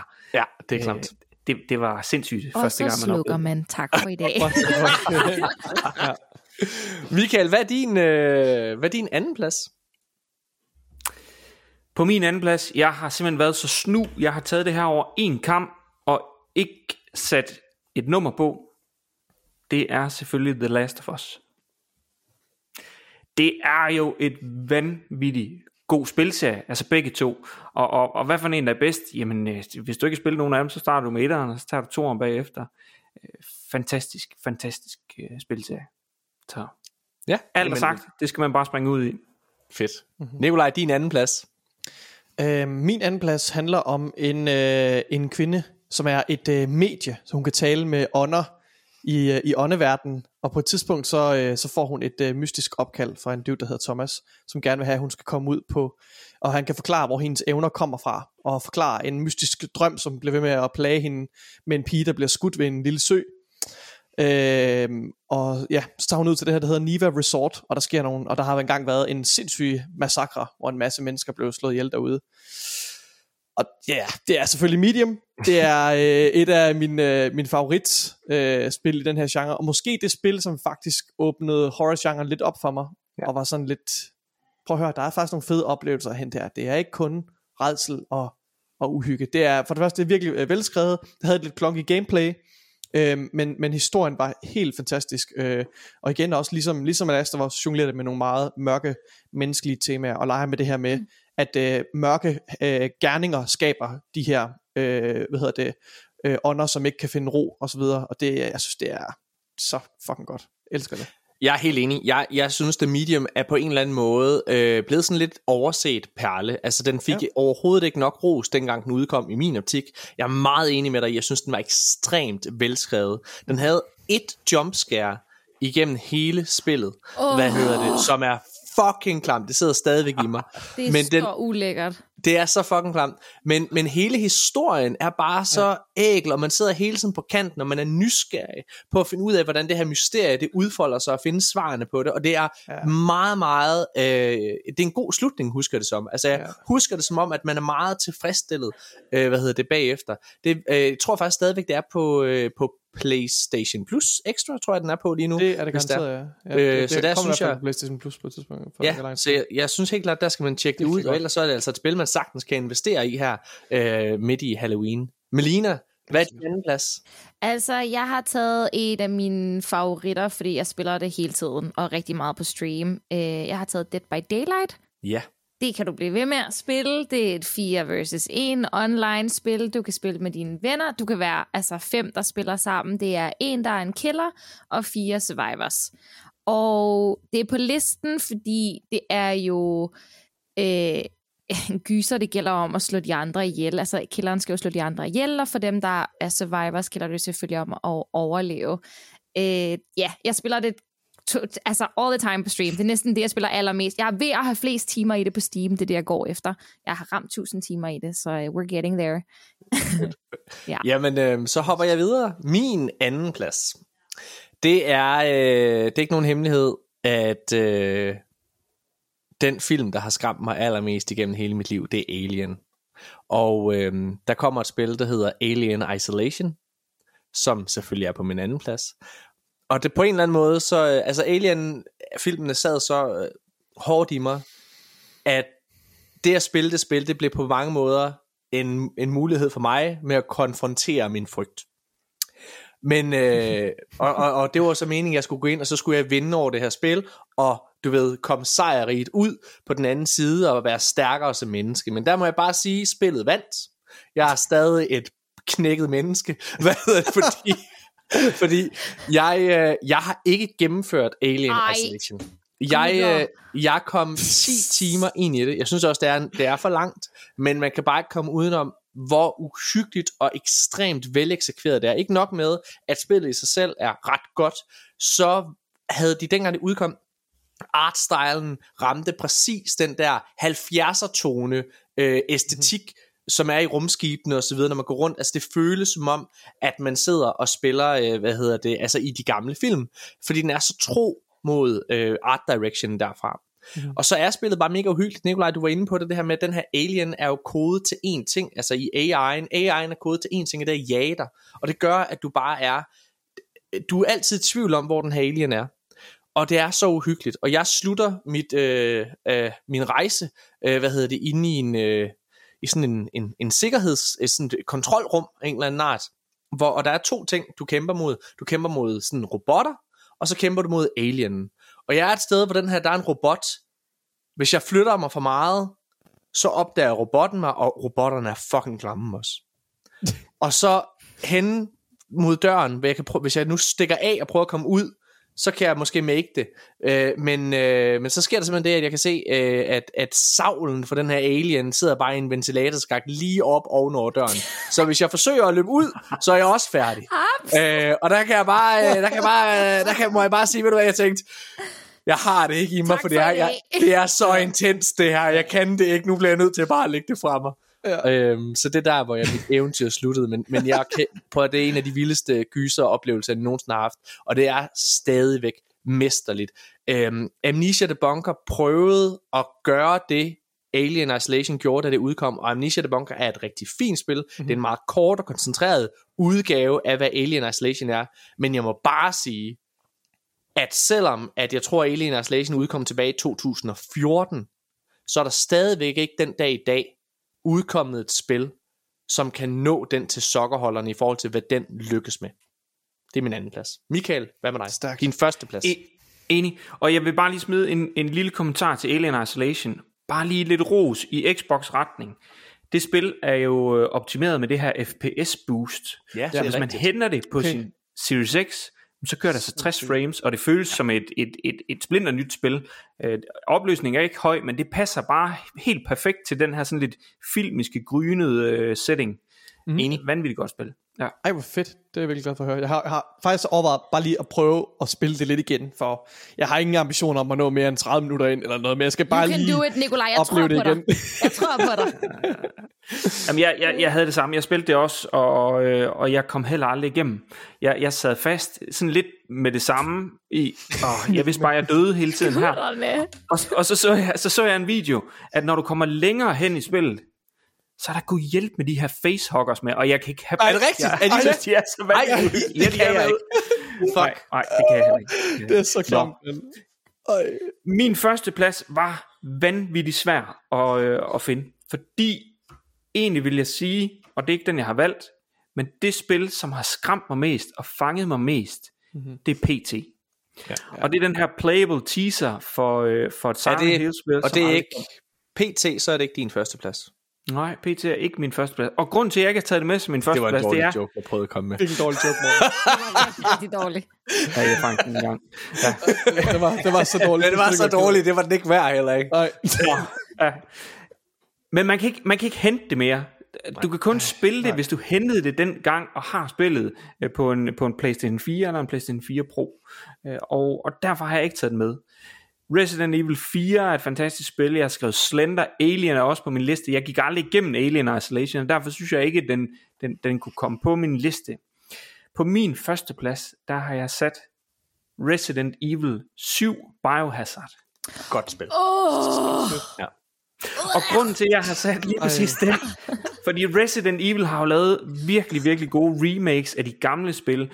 Om du spiller øh, toeren, eller treeren, eller fireren af de her remakes, så er det alle sammen gode spil.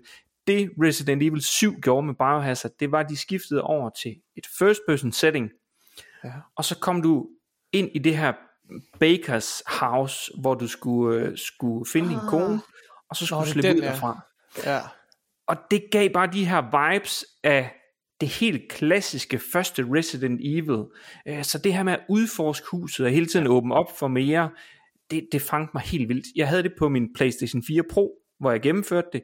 Købte det efterfølgende til Xbox også, da, øh, da det var på tilbud der. Gennemførte det igen, købte alt DLC og så videre. Jeg synes, det er et mesterligt spil. Jeg, Er det jeg er den glad for, du... Er det den der scene, hvor man sidder ved et bord Ja. sammen med den her familie, og der, du ved, de, altså de, deres krop er bare gået i forrådelse, og de sidder og spiser råden mad og sådan noget, og du ved, altså, det, det er sådan et Ja. gammelt skur nærmest, altså, ja. Yeah. ej, det er så Ja. unsettling.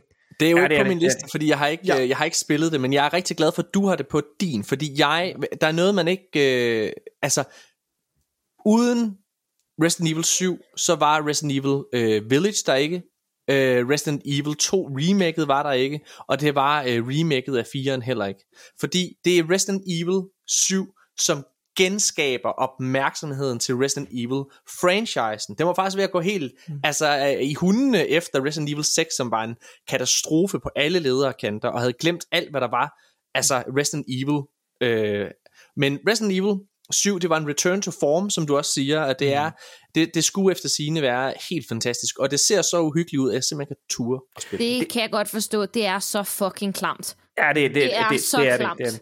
Og det var Nej. faktisk så uhyggeligt, at øh, de valgte at skrue ned for uhyggen i Resident Evil 8, fordi der Nej. simpelthen var for mange, der ikke turde spille syveren. Så Village er den, man skal springe på, hvis man er lidt for bange for de her... Jeg har spillet starten af Village, og så hentede jeg en af mine venner, og så spillede han det færdigt for mig. Ej, hvor sjovt.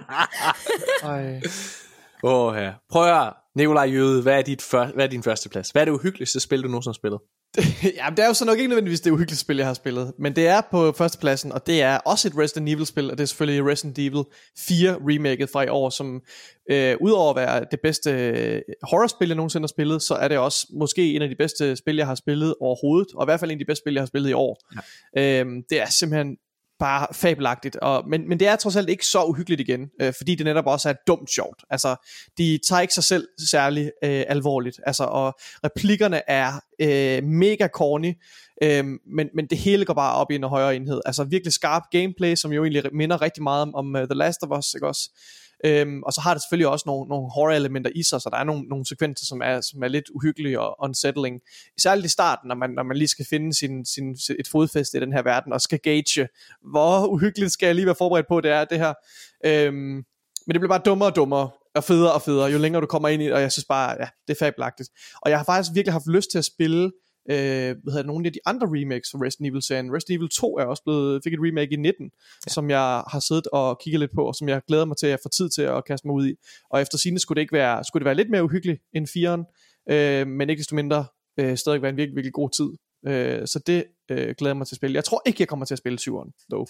Nej, det tror jeg heller ikke, jeg gør. Og, Jamen Men, øh, øh, prøv at, Meline, jeg, jeg har faktisk været rigtig spændt på at høre, hvad din første plads er. Også fordi jeg ved jo, at din, en af dine favoritserier, øh, altså det er, jo, det er jo Kingdom Hearts.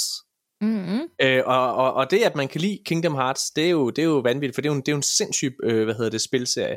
øh, og når jeg kigger Sindssygt på... god spilserie, ikke morgen? Godt. Når jeg kigger på, øh, når jeg kigger på Kingdom Hearts, så tænker jeg jo, altså det er jo, det er jo sådan Disney og anime i, Mhm. mm-hmm. altså sådan, hvor det hele bare møder, og, og det synes jeg jo ser fucking uhyggeligt ud. Så jeg synes jo, jeg tænker, det må være din første plads, Melina. Ja, det ja er Kingdom nej, Hearts. nej. Men min første plads er et spil, vi har snakket rigtig, rigtig meget om, som I- vi alle sammen godt kan lide, men I andre ikke har gennemført. Det er Alien Isolation. Er det din første plads, Melina? Ej, hvor, du, ej, hvor nice. Ja, fordi jeg gennemførte det i... Jeg spillede det wow. Wow. i 2020. Fuck, du er vild. det er noget af et flex, det der. Ja, det er et flex. Ja, åbenbart. og jeg synes, det var så fedt, fordi det var igen så scary, at den her ting bare er der et eller andet sted, og jeg blev et så mange gange, at det, den er sidder op i venten, og Ja. ja. savlen kommer ja, ned, og man er sådan, what fuck? Åh, for helvede ikke igen. Altså, jeg synes simpelthen, at det er så godt. Historien var rigtig, rigtig, jeg synes bare alt, alt var gennemført i det spil, og jo, det er et spil, jeg så gerne vil ønske, at jeg kunne spille for første gang igen, Ja. fordi jeg var også rigtig stolt af mig selv, at jeg havde gennemført det, fordi jeg har jo aldrig selv gennemført et Outlast-spil eller noget som helst, så det var bare så fedt for mig, at det var et spil, jeg selv kunne gennemføre. Men jeg tror også, det hjælper rigtig meget, når du har sådan en flamethrower, du lige kan ja. ved, psh, psh, psh, i hovedet efter den, sådan gå væk. Øhm, så føler man sig lidt badass lige pludselig, så er det ikke lige så scary. Øhm, men øh, jeg har faktisk fået min veninde til at spille det her under øh, Halloween. Øh, hun, hun er ikke noget særlig langt. Vi har kun lige mødt Alien. Okay. Hvad er synes hun? særlig- Øh, hun er bare virkelig, virkelig bange. Okay. Men hun elsker, det er sjovt, fordi hun elsker alt, der har med gys at gøre, men igen, altså hun el- det er hende, der får, og du ved, vi skal se masser af gyserfilm, og vi skal alt muligt gys, men så snart det der med selv at spille det, så, så er det lidt noget andet. Okay, fedt. Jamen, øh, skal vi komme med det, min første plads? Så lad mig hoppe direkte ud i det. Min første plads er også et spil, jeg har spillet i år. Og det er remaket af Dead Space fra 2008. Øh, jeg var blæst bagover den kærlighed, der var kommet ind i, den, i det her remake. Fordi det er ikke bare, synes jeg, at remaket af Dead Space sætter en ny standard for, hvad et remake af et spil skal være. Det var et spil, som udover at genskabe og fange tonen og hvad kan man sige og, og den visuelle grafik og sådan noget derfra, altså da man havde den originale oplevelse, den har de fanget, men de har også været inde og forbedre på ting, der ikke fungerede så godt i det gamle spil. Der er for eksempel en bane, som var, altså hvor man skulle sidde og, og, og med sådan et fucking, sådan, du sidder sådan en, en kontrol fucking stol, hvor du sidder og skyder nogle asteroider. Det var røvsygt.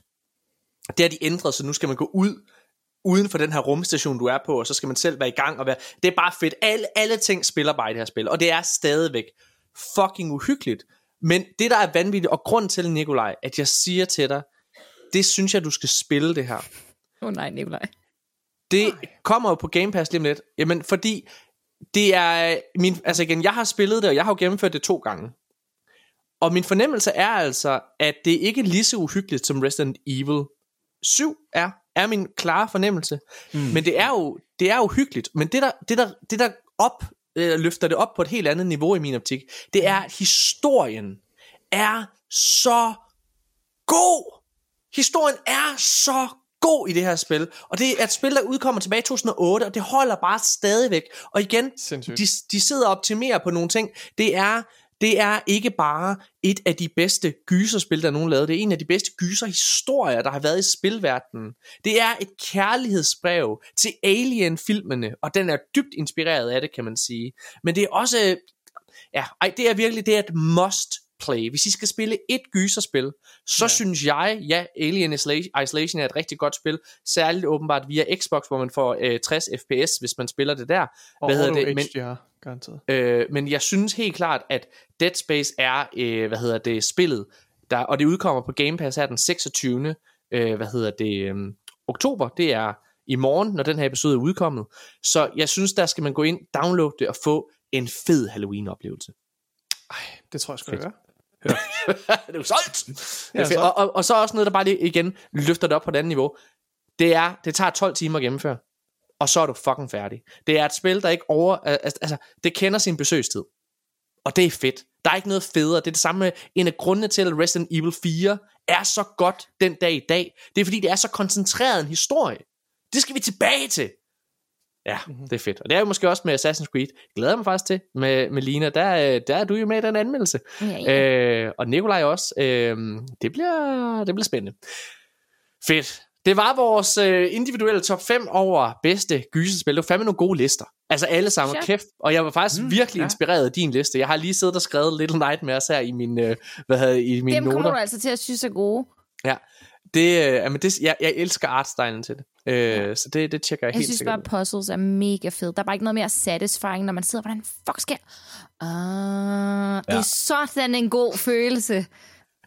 Det er, det er sjovt, der ikke er nogen af jer, der har insight på den her liste, fordi insight ja, jeg, er der jeg, jeg ja. på det også, ja. Okay. er i den grad også horror. Øhm, Limbo er vel også lidt... Limbo er helt Limbo sikkert også. er der i hvert fald. Er det, jeg synes Insight i højere den grad. første? Limbo er det Limbo. første af dem. Er det, okay, fordi så har jeg Ja. nemlig ikke spillet Inside endnu. Mm, Jeg fik nej. nemlig, jeg var i gang med Limbo, men jeg fik Ja. ikke færdiggjort det øh, sidste år også i Hvis du godt kan lide oktober, puzzlespil, Ja. Limbo og Inside er lige Jamen, noget det ved jeg. Jeg gik i gang med Limbo puzzles. nemlig, men så ja. det virkede ikke til, at der var så meget hype omkring det, og så stoppede jeg igen, for det kan godt blive lidt kedeligt, hvis man Var der ikke hype omkring Insight? Det tager, Nej, Limbo. det tager, det var Limbo. Nå. Det var Limbo. Mm. det tager 3 til 4 timer at gennemføre Limbo. Ej, men så er jeg jo næsten færdig. Ja, det har taget mig Ja. 2,6. Jeg, jeg, jeg, og øh, igen, hvis du, hvis du mangler et fedt puzzlespil, så vil jeg bare lige øh, danske Cocoon derude her Ja. er fucking nice. Fuck, det er godt. Jeg sad tilfældigvis og lyttede til øh, Kinda Funny, og der var det bare mega fedt. Der sad de og roste Cocoon til skyerne. Ej, Øh. Paris Lily og dem der. Det var bare Ja. mega fedt at høre, at Ej, det når fedt. ud over landegrænserne. Øhm, ja, nå, fedt. Mine damer og herrer, jeg øh, synes, vi skal holde en kort pause, og så skal vi øh, i gang med at snakke om nyheder. Og der er så mange Spider-Man-nyheder, at jeg tænker, når vi kommer tilbage, så skal vi lige få en status fra Melina, Nikolaj og, hvad hedder det, den dejlige Michael på, hvad I synes omkring Spider-Man. Og jeg er med på, Nikolaj, du er ikke startet på toeren endnu, du er stadig i gang med det første. Nej. Men øh, er, er, det, er det forkert? Nej, det er korrekt. Ja, ja, præcis. men, ja, ja. Ja. Øh, ja, men du har fået toeren. Jeg skaffede en kode til dig. Ja, ja, ja. Ja, ja, ja, præcis. Hvad hedder det? Så det, det? Det glæder jeg mig rigtig meget til. Øh, Jeg er spændt på, om det er et spil, som, øh, som ender i vores Game of the Year-snak, eller ej. Ja, jeg er jo ikke helt så begejstret for det. Men øh, det lyder til, det er mig, der er... Dårlig spilsmag, altså. Det, ja, det lyder til, det er mig, der er problemet. Ja. Jamen, det er Det tror det, jeg også, Morten. Det, er Det tror jeg faktisk også. Morten, det er det. Det, det må jeg indrømme. Ja. Ja. Det tror jeg. Det må vi jo snakke om må vi lige snakke efter det her. For arkaden har det vigtigste altid været at støtte og samle det danske gamingfællesskab. Danmark er nemlig fuld af masser af andre spilinteresserede, og hvis du mangler et fællesskab med mennesker, der har samme passion som dig, så vil vi gerne anbefale følgende grupper på Facebook. For PlayStation-interesserede, så tjek det danske PlayStation Forum, PlayStation Danmark, PlayStation 5 Danmark eller PlayStation for voksne. Er du Xbox-spiller, så tjek det danske Xbox Forum eller Xbox Danmark ud. Spiller du på Nintendo, så tjek det danske Nintendo Forum eller Nintendo Talk-gruppen ud. Og hvis du spiller på PC, så få dig en konsol. Nej, jeg laver sjov. Så tjek det danske PC-forum ud. For gaming generelt, så tjek Danske Gamere og det danske Gaming Forum ud. Og der er helt sikkert nogen, jeg ikke har opdaget, men tag del i det danske gaming fællesskab, det vil du ikke fortryde. Og noget du heller ikke vil fortryde, det er at lytte til resten af den her episode. Ja, mine damer og herrer, så er vi tilbage igen, og øh, nu skal vi i gang med at snakke om alle de mange nyheder. Og øh, altså, jeg har, jeg har, jeg har taget Spider-Man-nyhederne som, som de første, fordi det er jo Talk of the Town. Øh, vi var så heldige i sidste uge at udkomme med vores anmeldelse. Øh, hvad hedder det? Og øh, i fredags der udkom spillet også, og vi har jo allerede også snakket en lille smule omkring det. Nikolaj, du, du, du blev grebet så meget af den her Spider-Man-stemning, at du var inde og investere i det første Spider-Man, i remaster-versionen. Ja, øh, til min PS5. til din Det er PlayStation jo 5. første gang i lang tid, jeg åbner øh, min PS5 og tager min DualSense Edge controller i hånden igen. Øh, og det er Ja, jeg det- bare Dejligt at være tilbage. fucking lykkelig for, at jeg gjorde. Altså, hold kæft for er det godt. Godt, Altså- Nikolaj. Nu, øh, ja, okay, altså Spider-Man 1 remasteren, jeg kan jo ikke tale for, for den originale, øhm, men det er simpelthen bare mageløst. Altså, ja. der er så meget kærlighed i det spil, Ja. øh, og jeg er så grebet af, af feberen lige nu, så det er, det er svært at, at lave andet. Det er svært at, at, at, at spille øh, Assassin's Creed, og det er svært at, at passe mit arbejde. øh, det, er, det, er så, ja, det er så godt. Jeg elsker det. Jeg øh, kan jo bare sige, at du er jo ikke den eneste, der har været grebet af den her Spider-Man-feber, fordi Spider-Man 2 har, øh, og det er den første nyhed, jeg har skrevet op her, det er, at Spider-Man 2 øh, har på én dag, altså på den første dag alene, der har den solgt to eller mere end 2,5 millioner eksemplarer. Det skal siges, det er selvfølgelig taget pre-orders og hvad hedder det, sådan nogle ting med i det her tal, men stadigvæk, det er imponerende. Det er faktisk så imponerende, at det her det er den største launch for et Playstation-spil nogensinde. Øh, hvad hedder det, hvis jeg skal sætte det sådan lidt i perspektiv, så den, der havde øh, den titel tidligere, det var God of War Ragnarok, øh, øh, ja, God of War Ragnarok, som, øh, hvad hedder det, på tre dage, altså øh, undskyld, på, øh, som solgte på, hvad hedder det, 5 millioner eksemplarer på en uge, og det har øh, Spider-Man jo allerede solgt halvdelen af på en dag, kan man sige. Ja. Øh, og så The Last of Us part, øh, part 2, den havde solgt, hvad hedder det, 4 millioner kopier på bare tre dage. Så hvad hedder det, øh, altså igen, det her det er sindssygt. Det, og jeg tror, jeg tror det her kommer til at være en endnu større succes end det første spil. Det må jeg bare ja. sige. Jeg mig Michael, virkelig til at høre, hvad I synes om toeren. Michael, hvad hedder det, du var også grebet af Spider-Man-feberen. Du var ude og investere i Spider-Man 2. Hvad, hvad synes du om det? Altså først og fremmest så er jeg vanvittigt skuffet over, at jeg ikke måtte anmelde det spil. Og, og, og koderne, de kom jo... Jamen, jeg ved ikke, hvor lang tid før. Ja. Og det der med at sidde med en vidshed hver evig eneste dag, at de sidder og spiller Spider-Man 2, det var, det var hårdt. Ja. Ja. Det var vanvittigt hårdt. Etteren er jo, som, som du siger, Nikolaj, det er nok, altså det er jo det, det, bedste Spider-Man-spil, der, der nogensinde er lavet, da Insomniac, de fik lov til at, at, at få den IP i hånden. Hold fast, hvor lavt de magi. Ja. Jamen, øh, To. altså, ja. Ja, toeren, øh, i min optik, jamen de topper den. Det gør de virkelig. Altså, det, det er den ultimative Spider-Man simulator. Ja. Det er det virkelig. Der er nogle elementer i det, og det kan vi jo snakke lidt om, hvis vi skal tale om, om altså, kort omkring spillet. Der er nogle elementer i det, som jeg ikke bryder mig om. Jeg elsker det her free roam, jeg elsker øh, de her action dele, men der er bare nogle episoder af, i det, hvor du sådan ligesom bliver trukket ud af hele det her spil. Så skal du spille som Mary Jane i noget snigeværk, så skal du gå rundt i noget Tivoli og prøve nogle forskellige forlystelser, og for mig, så er det ikke, øh, så er det, ikke det, jeg, jeg gerne vil have mm. i spillet. Michael, hvad mener Det gør man du? faktisk også i etteren jo, øh, Mary Jane spiller. Ja, Ja, men- Ja, og, og, og, og det var det værste. Det var det værste element. Ej, men i toeren af Mary Jane, 1. det er meget federe at være Mary Jane. Ja, det er meget, meget federe. Meget er det federe. det? Fordi det, Ja, var, det er jeg det. det var meget kort og sådan noget. Jeg synes, det var meget fint. Ej, men det, det er fedt at være Mary Jane. Men Mel- Melina, du, øh, du er jo inkarneret Playstation-fan, og øh, har glædet dig rigtig meget til Spider-Man 2 også. Det har Levede det op til dine øh, forventninger? Du nåede lige at spille det 6 timer, øh, Ja. inden du meldte dig syg. jeg. ja. ja. Øh, jeg synes, det er mega fedt. Jeg synes, det er bedre end etteren, og det er i hvert fald langt bedre end Miles Morales, men det skuffede mig også sygt meget. Øh, jeg synes, det er så godt, og jeg synes lige præcis, de her elementer, hvor du laver noget andet, er rigtig, rigtig fedt, fordi det er meget øh, character building, og du lærer dem at kende på et mere, du bliver mere draget mm, ind på et personligt plan, hvor du ikke bare er Spider-Man. Du er også mm. Peter Parker. Du er også Miles Morales. Du er også dem som private personer, ikke bare dem som Spider-Man. Og det synes jeg er rigtig fedt. Jeg er faktisk lidt enig med Michael. Altså, det, full disclaimer, Sikkert. hvad hedder det? Full disclaimer. Jeg, jeg, jeg er jo som sagt ikke lige så glad for Spider-Man 2, som øh, resten af verden er. Jeg synes, det første Spider-Man-spil er rigtig godt. Jeg har sagt det her før. Jeg synes, historien i det første Spider-Man-spil er mesterlig. Det vil jeg bare lige understrege. Historien i det første Spider-Man-spil er fucking mesterlig. Og alle boss fights og sådan nogle ting, altså det føles unikt og fedt i, den første, i det første spil. Jeg synes ikke toren er det. Jeg synes hovedhistorien er ok. That's it. Hvad hedder det? Jeg synes, øh, jeg synes, jeg synes bosskampene er, jeg kan se, jeg, jeg, jeg, jeg må indrømme, jeg, jeg føler mig som sindssyg, som, hvad hedder det, en, der laver, igen, laver anden, og altså sådan og kritiserer øh, spil, altså, og, og finde ud af, hvad er det så, man gør dårligt, og hvad gør man godt. Jeg, jeg, og, og, jeg kan ikke forstå, der ikke er andre, der sviner Insomniac til for deres boss fights. Jeg har ikke læst en eneste artikel, altså i toeren specifikt. Hvad Det vil er- svinet til? Hvad er det, der Hvad- irriterer dig?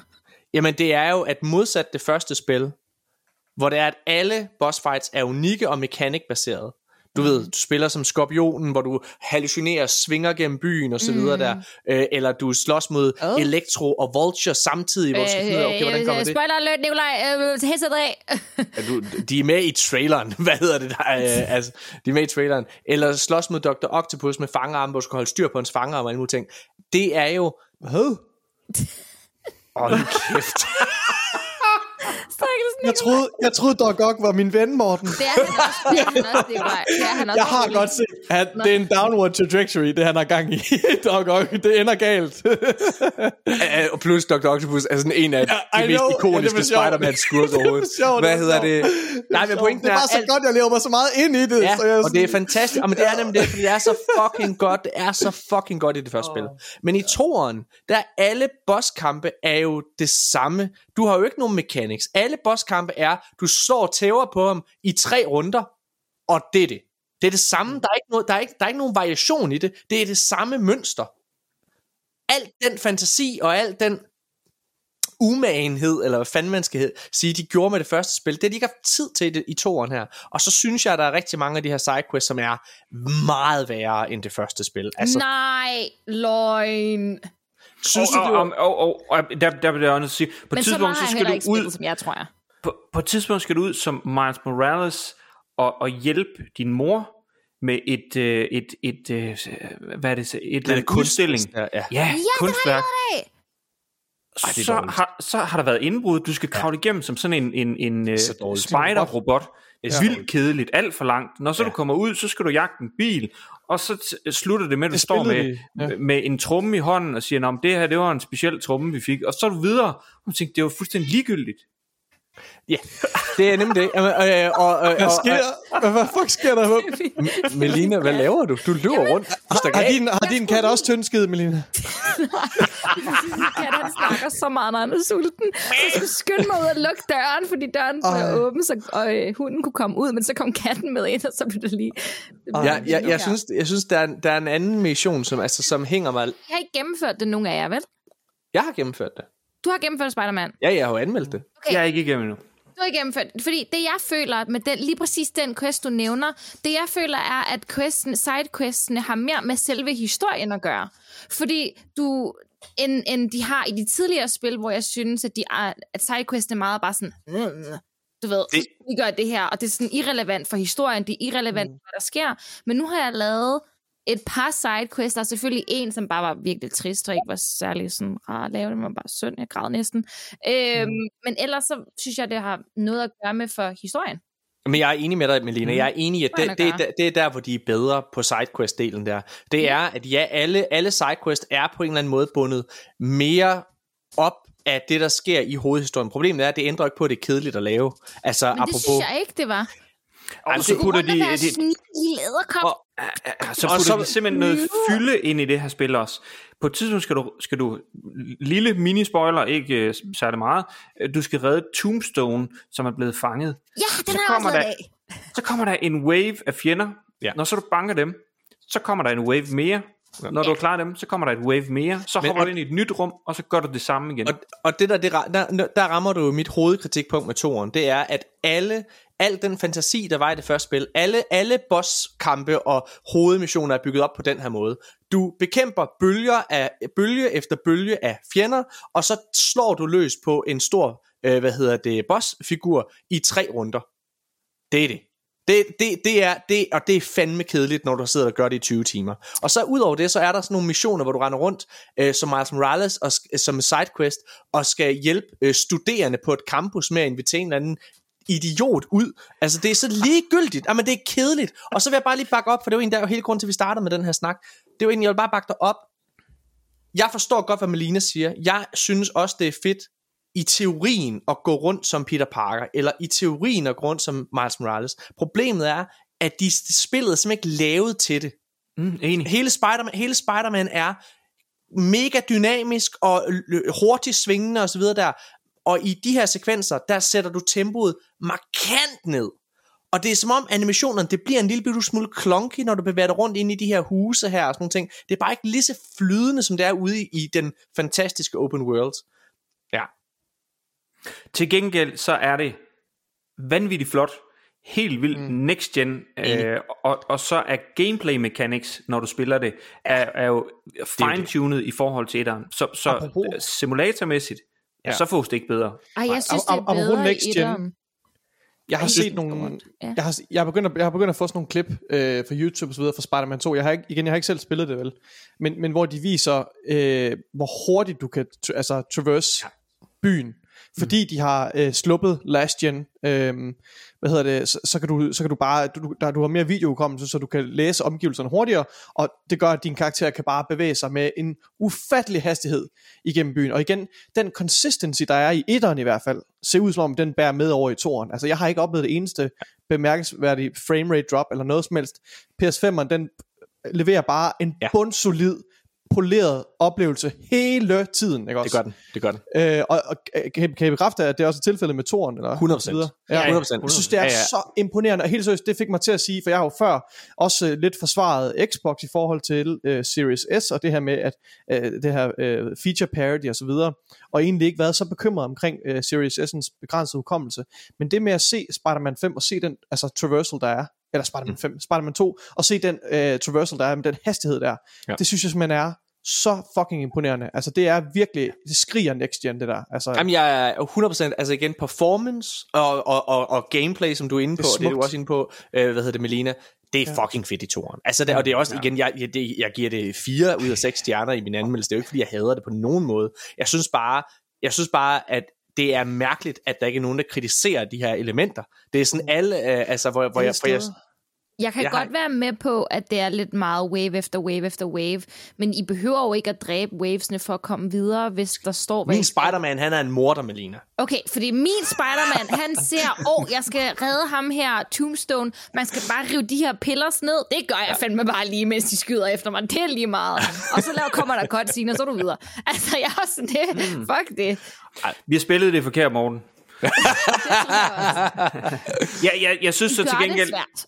Ja, Insomniac er det firma, jeg allerhelst vil have til at lave en hvilken som helst superhelte øh, Ja. ja. spil. Altså ja. virkelig. Også selvom det er eksklusivt til PlayStation 5. Jeg sad og tænkte det, Ja. ja. hvis de havde fået rettighederne til Marvels Avengers, mm. hvad kunne det ikke ja. Have været blevet til? Hold kæft, mand. Ej, jamen, de er så fucking dygtige. Jeg, jeg, jeg, jeg er 100% enig. Jeg, altså, jeg har sagt det mange gange før. For mig, altså, så er Insomniac, det er det vigtigste studie, Sony overhovedet har. Ja. Der er ikke nogen, der leverer så meget, op, altså, altså høj kvalitet, gang på gang, som Sony, øh, eller Insomniac Games gør. Altså, Santa Monica og Naughty Dog er jo er fortrindelige, og Naughty Dog er en af mine mm. yndlingsstudier, men hold kæft, hvor de tager lang tid om det. altså siden, siden 2018, der har, hvad hedder det, har de nu øh, udgivet fire spil, In- Insomniac. De har lavet Spider-Man 2018, Spider-Man Miles Morales 2020, så havde de i 2021, der havde de, øh, hvad hedder Ratchet and Clank Rift Apart, og så her i år har de øh, Spider-Man 2. Og alle spil, jeg er ikke øh, fan af Ratchet Clank og sådan nogle ting der, men man kan jo ikke tage kvaliteten ud af det. Det er jo, altså, det er jo virkelig højt niveau, de leverer på gang efter gang. Øh, og det, det er vanvittigt. Det må man bare sige, det er vanvittigt. Ja. Okay. Noget, der også er vanvittigt, det er jo, altså, som sagt, den her modtagelse af Spider-Man 2. Og øhm, selvfølgelig kommer der en træer. Det øh, uden at sige noget som helst, så ligger øh, øh, slutningen også ret meget op til det. Og øh, instruktøren på Spider-Man 2 har faktisk også været tease har været ude at tease øh, et tredje spil, og øh, fortælle, at det er mere ambitiøst. Og der er ikke nogen spoiler som sådan i det her, så jeg kan sagtens læse det højt.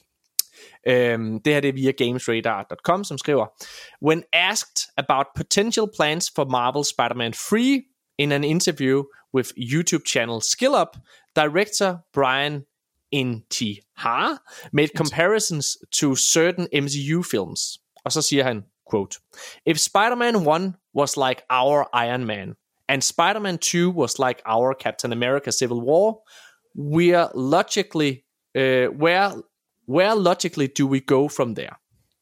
It could be pretty epic. Så slutter han så af med. Han Og det er jo Brian, tydeligvis- Brian Intihar. Yes, også ham.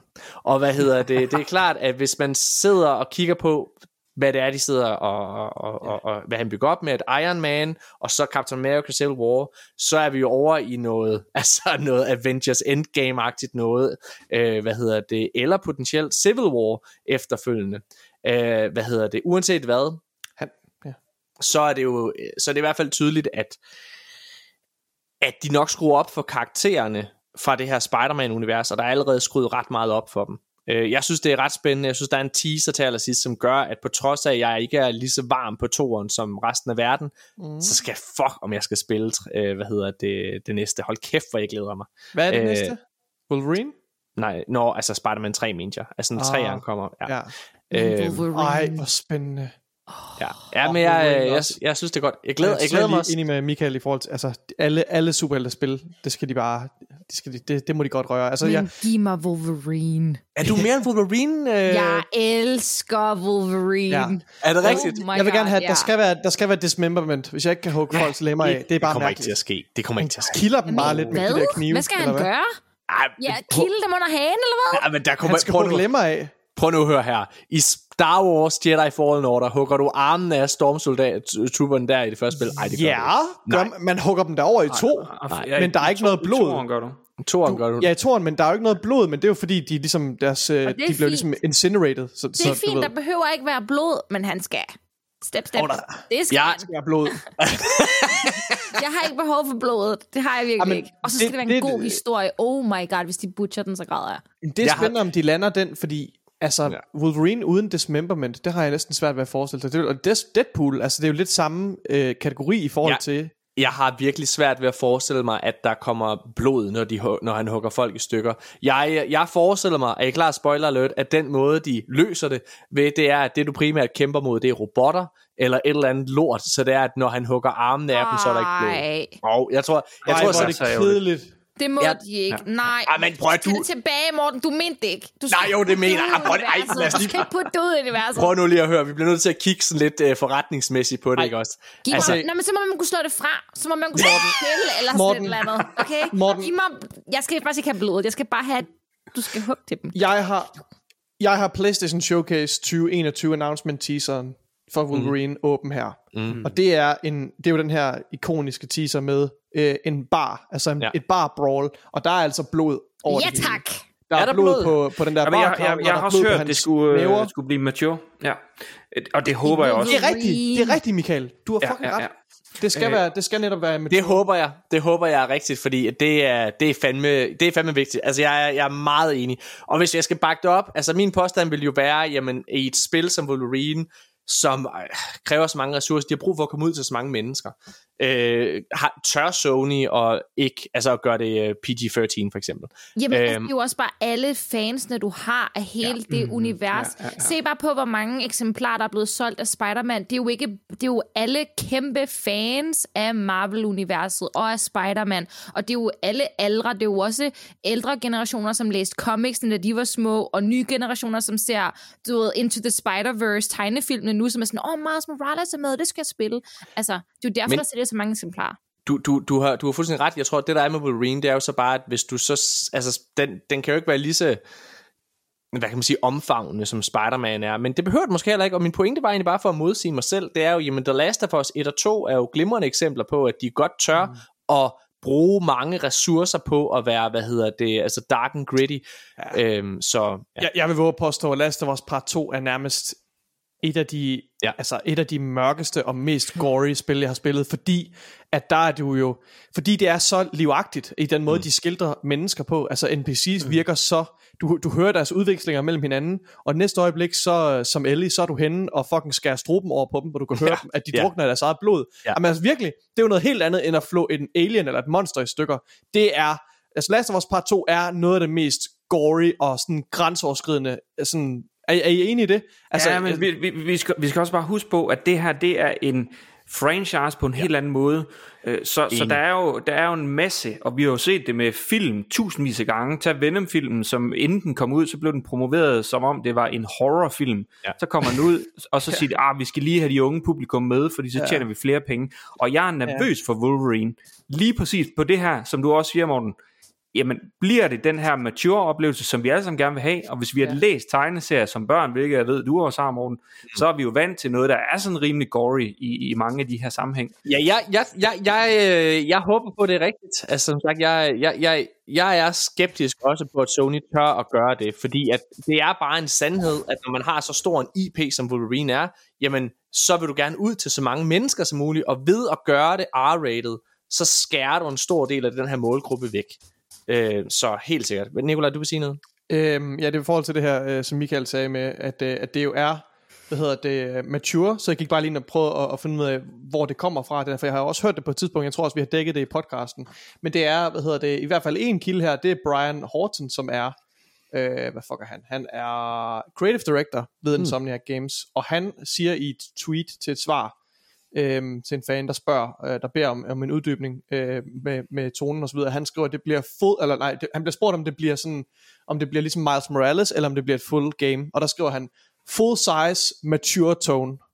Og det kan man læse lidt ind i. Mature tone Ja. er ikke nødvendigvis mature rating, øhm, men det er trods alt, det gør mig lidt mere rolig mature tone igen, og den her teaser, hvor der er blod og så videre, og folk, der jo er døde igen. Jeg kan ikke se nogen afhuggede lemmer, men det er Endnu. også endnu, men det er også det, jeg er mest nervøs for. Øh, og, og jeg tror, at Naughty Dog har en form for, de har en form for status ved PlayStation, som er fortjent i øvrigt, øh, som gør, at de måske har den kreative frihed til at sige, vi vil fortælle den her meget, meget, meget mørke historie til alle vores fans. Øh, og, og, og ikke tage så meget hensyn til, at, at, at, at små børn, eller små børn, at, at unge mennesker også skal kunne spille det. Jeg er ikke sikker på, at Insomniac nødvendigvis har den samme, øh, hvad hedder det, har den samme leverage ved sin publisher, altså ved Playstation. Er I enige i den? Jeg er meget enig, og nu skal jeg fortælle dig hvorfor. Det er fordi, at ham, der står for, hvad hedder det, øh, Naughty Dog, han hedder Neil Druckmann, og øhm, han har en lidt speciel kontrakt. Øhm, hvad hedder det? Fordi han er øh, PR, Sonys PR-team for eksempel, øh, bestemmer ikke over Neil Druckmann. Han er en af de eneste personer, som Sony ikke bestemmer over, fordi han har et helt eget PR-team. Og hvad baserer jeg det her på? Det baserer jeg blandt andet på Colin Moriarty, som er en af de eneste, som har siddet og fået lov til at snakke med Neil Druckmann og så videre. Fordi at han, so, Sony har skåret hånden af over for, øh, hvad hedder han, øh, Colin Moriarty, fordi, Colin, de, ja. fordi der er øh, anklager om, at han er sådan ekstrem øh, anklager, der i min optik ikke har noget øh, på sig. Han har helt klart nogle politiske holdninger, som jeg ikke går ind for, men det er altså bare fordi man mener noget andet politisk end nogle andre mennesker, så skal man ikke skære folk fra. Nu skal vi passe Og på igen, med, det er ikke så ekstremt. Nej, det er simpelthen ikke det er så det virkelig ekstremt. ikke. Han er... Øh, hvad hedder det? øh, Men det er faktisk, okay, så i den nyeste episode af, hvad hedder det, Sacred Temples, ham der hedder, øh, hvad hedder han, Just, do, hvad hedder han, Dustin, Dustin Roiland? Dustin, nej, Dustin Furman, Dustin Furman. Dustin Furman fra Sacred Temples. Ja. Han var med i en podcast til Easy, der hedder Easy Allies. Ah. Og han øh, har lyttet til Easy Allies, fortæller han den her podcast og så videre der. Øh, og så er han med, fordi at en af hans medværter er en af hans rigtig gode venner. Fordi han er en medlem af Sacred Symbols og arbejder for Colin Moriarty, så bagefter så kommer der simpelthen et par, og jeg mener par, Nej. hvad hedder det, højlytte tweets, som anklager Dustin Furman for at være racist og alle mulige ting, og ting, at I kan have ham med.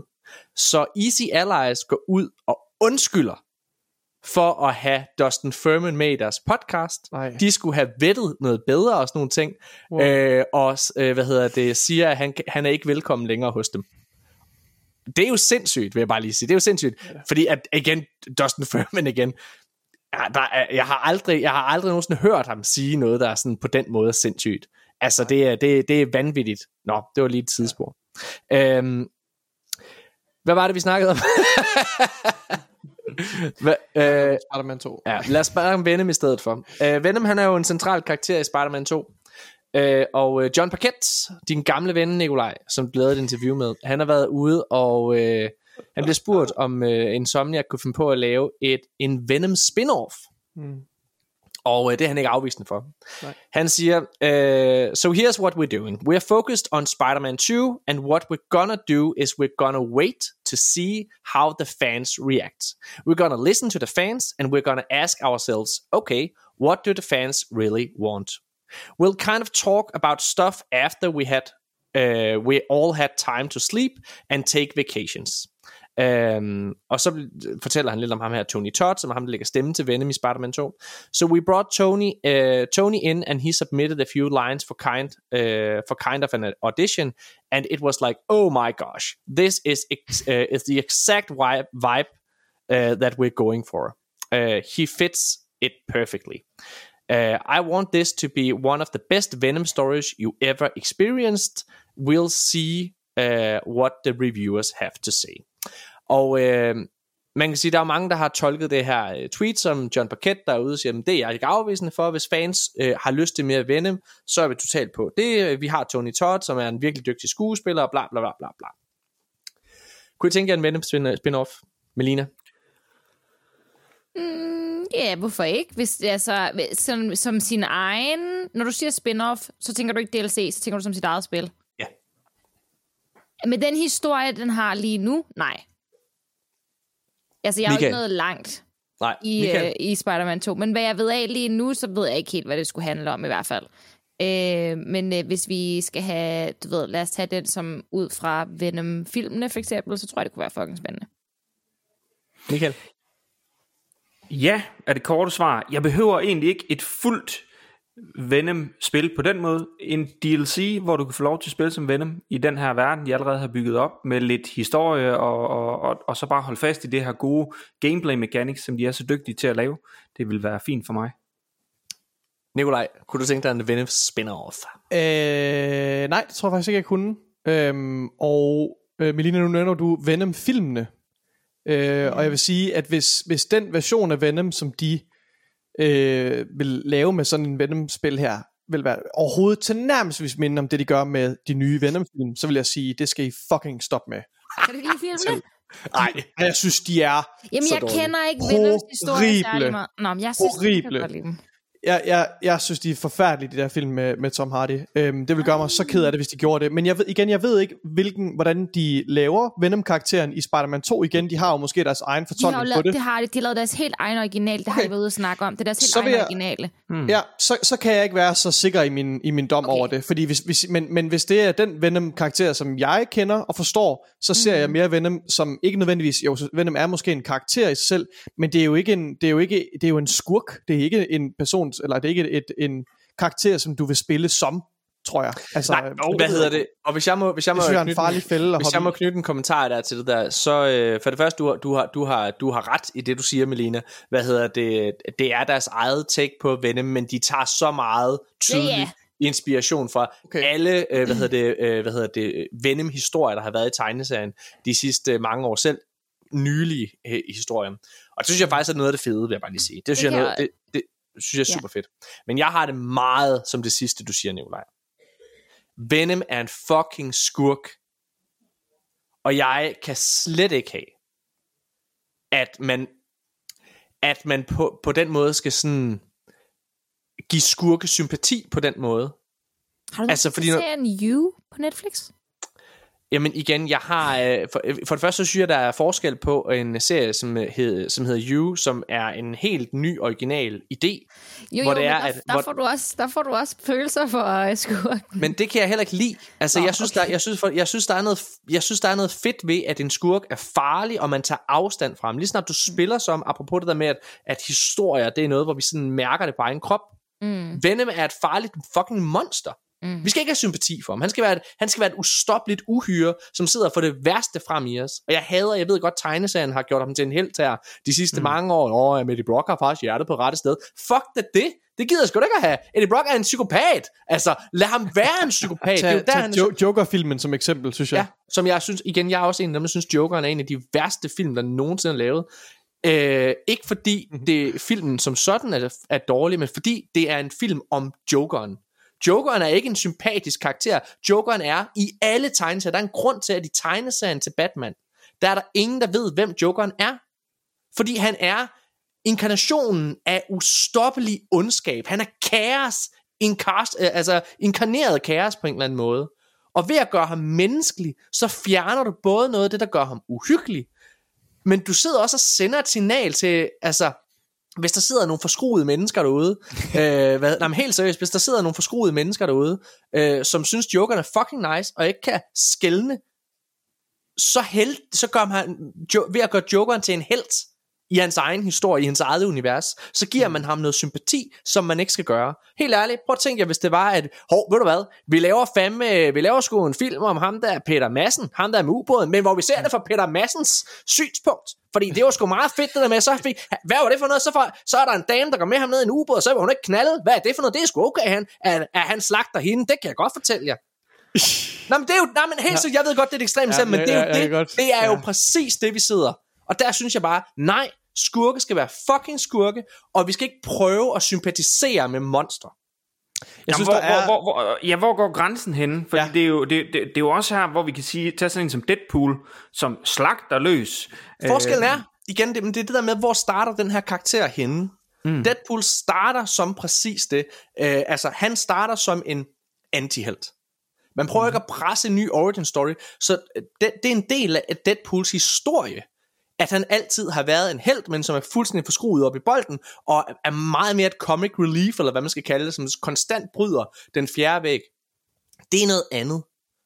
Hvor det er, Jamen, det er jo jeg, ikke... jeg, jeg, nej, jeg synes, vi har det samme i Venom i, i de gamle tegneserier også, hvor de svinger sammen, og Spider-Man har stadig sådan hele tiden den her afstand, men, men, men er sådan lidt arbejder sammen med Venom, og så elsker jeg jo bare det her koncept med, at øh, øh, jamen, øh, han, han spiser hans, øh, de her folk, men så Nu- holder han det nu- til bad Nå, men nu, guys. nu, nu, nu tager du fat i noget af det, som jeg jo synes er problemet. Fordi. Ja. det der med, hvor de sidder og svinger sammen, det sker jo kun fordi Venom han bliver en kæmpe succes.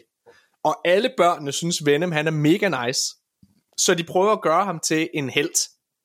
Mens han stadigvæk spiser hjerner og alle mulige ting. Altså det er sådan, hvad er det for noget? Hvad hedder det? Altså det sker jo først sådan, du ved, i start 90'erne, det du refererer til her. Venom starter som det her monster, og jeg hader det der med, at man skal sympatisere med det. Ja. Men igen, det, er også, det kan være, det er mig, den er gal med. Jeg er det- det- det- det tager sig noget, Lidt, ja. lidt det der med, at man også øh, man, man gør, gør ham lidt til et menneske, og det at være menneske. Der er jo ikke kun ondt i nogen af os, der er jo ikke kun godt i nogen af os. Vi er jo alle sammen lidt af begge dele. Undtagen Nikolaj. Undtagen, og Morten selvfølgelig. Jeg, øh, Jeg synes, der er, der, er, der er et sted, hvor at der er nogle virkelig fede historier at fortælle om en antihelt, som, på, på, som umiddelbart er en ringe person, men så får du en dybere indsigt i karakteren og lærer deres motivationer at kende, og så viser de sig at være have noget mere dybde og nuance end det. Det, det er jo en nuanceret fortælling. Den, den type historie kan jeg rigtig godt lide. Men der er noget med, at man tager Venom-karakteren, øh, som jo måske fra, fra skaberens synspunkt lader det til, hvis man med de gamle comics, så må jeg rette mig, hvis jeg tager fejl, Morten, men som ikke nødvendigvis skal have noget dybde. Altså det her, det, og ligesom Jokeren, så er det en karakter, som symboliserer, du siger, inkarnationen af ondskab og af kaos, og det er ikke noget, vi skal, eller af terror, og det er ikke noget, vi skal, sådan skal støtte op om.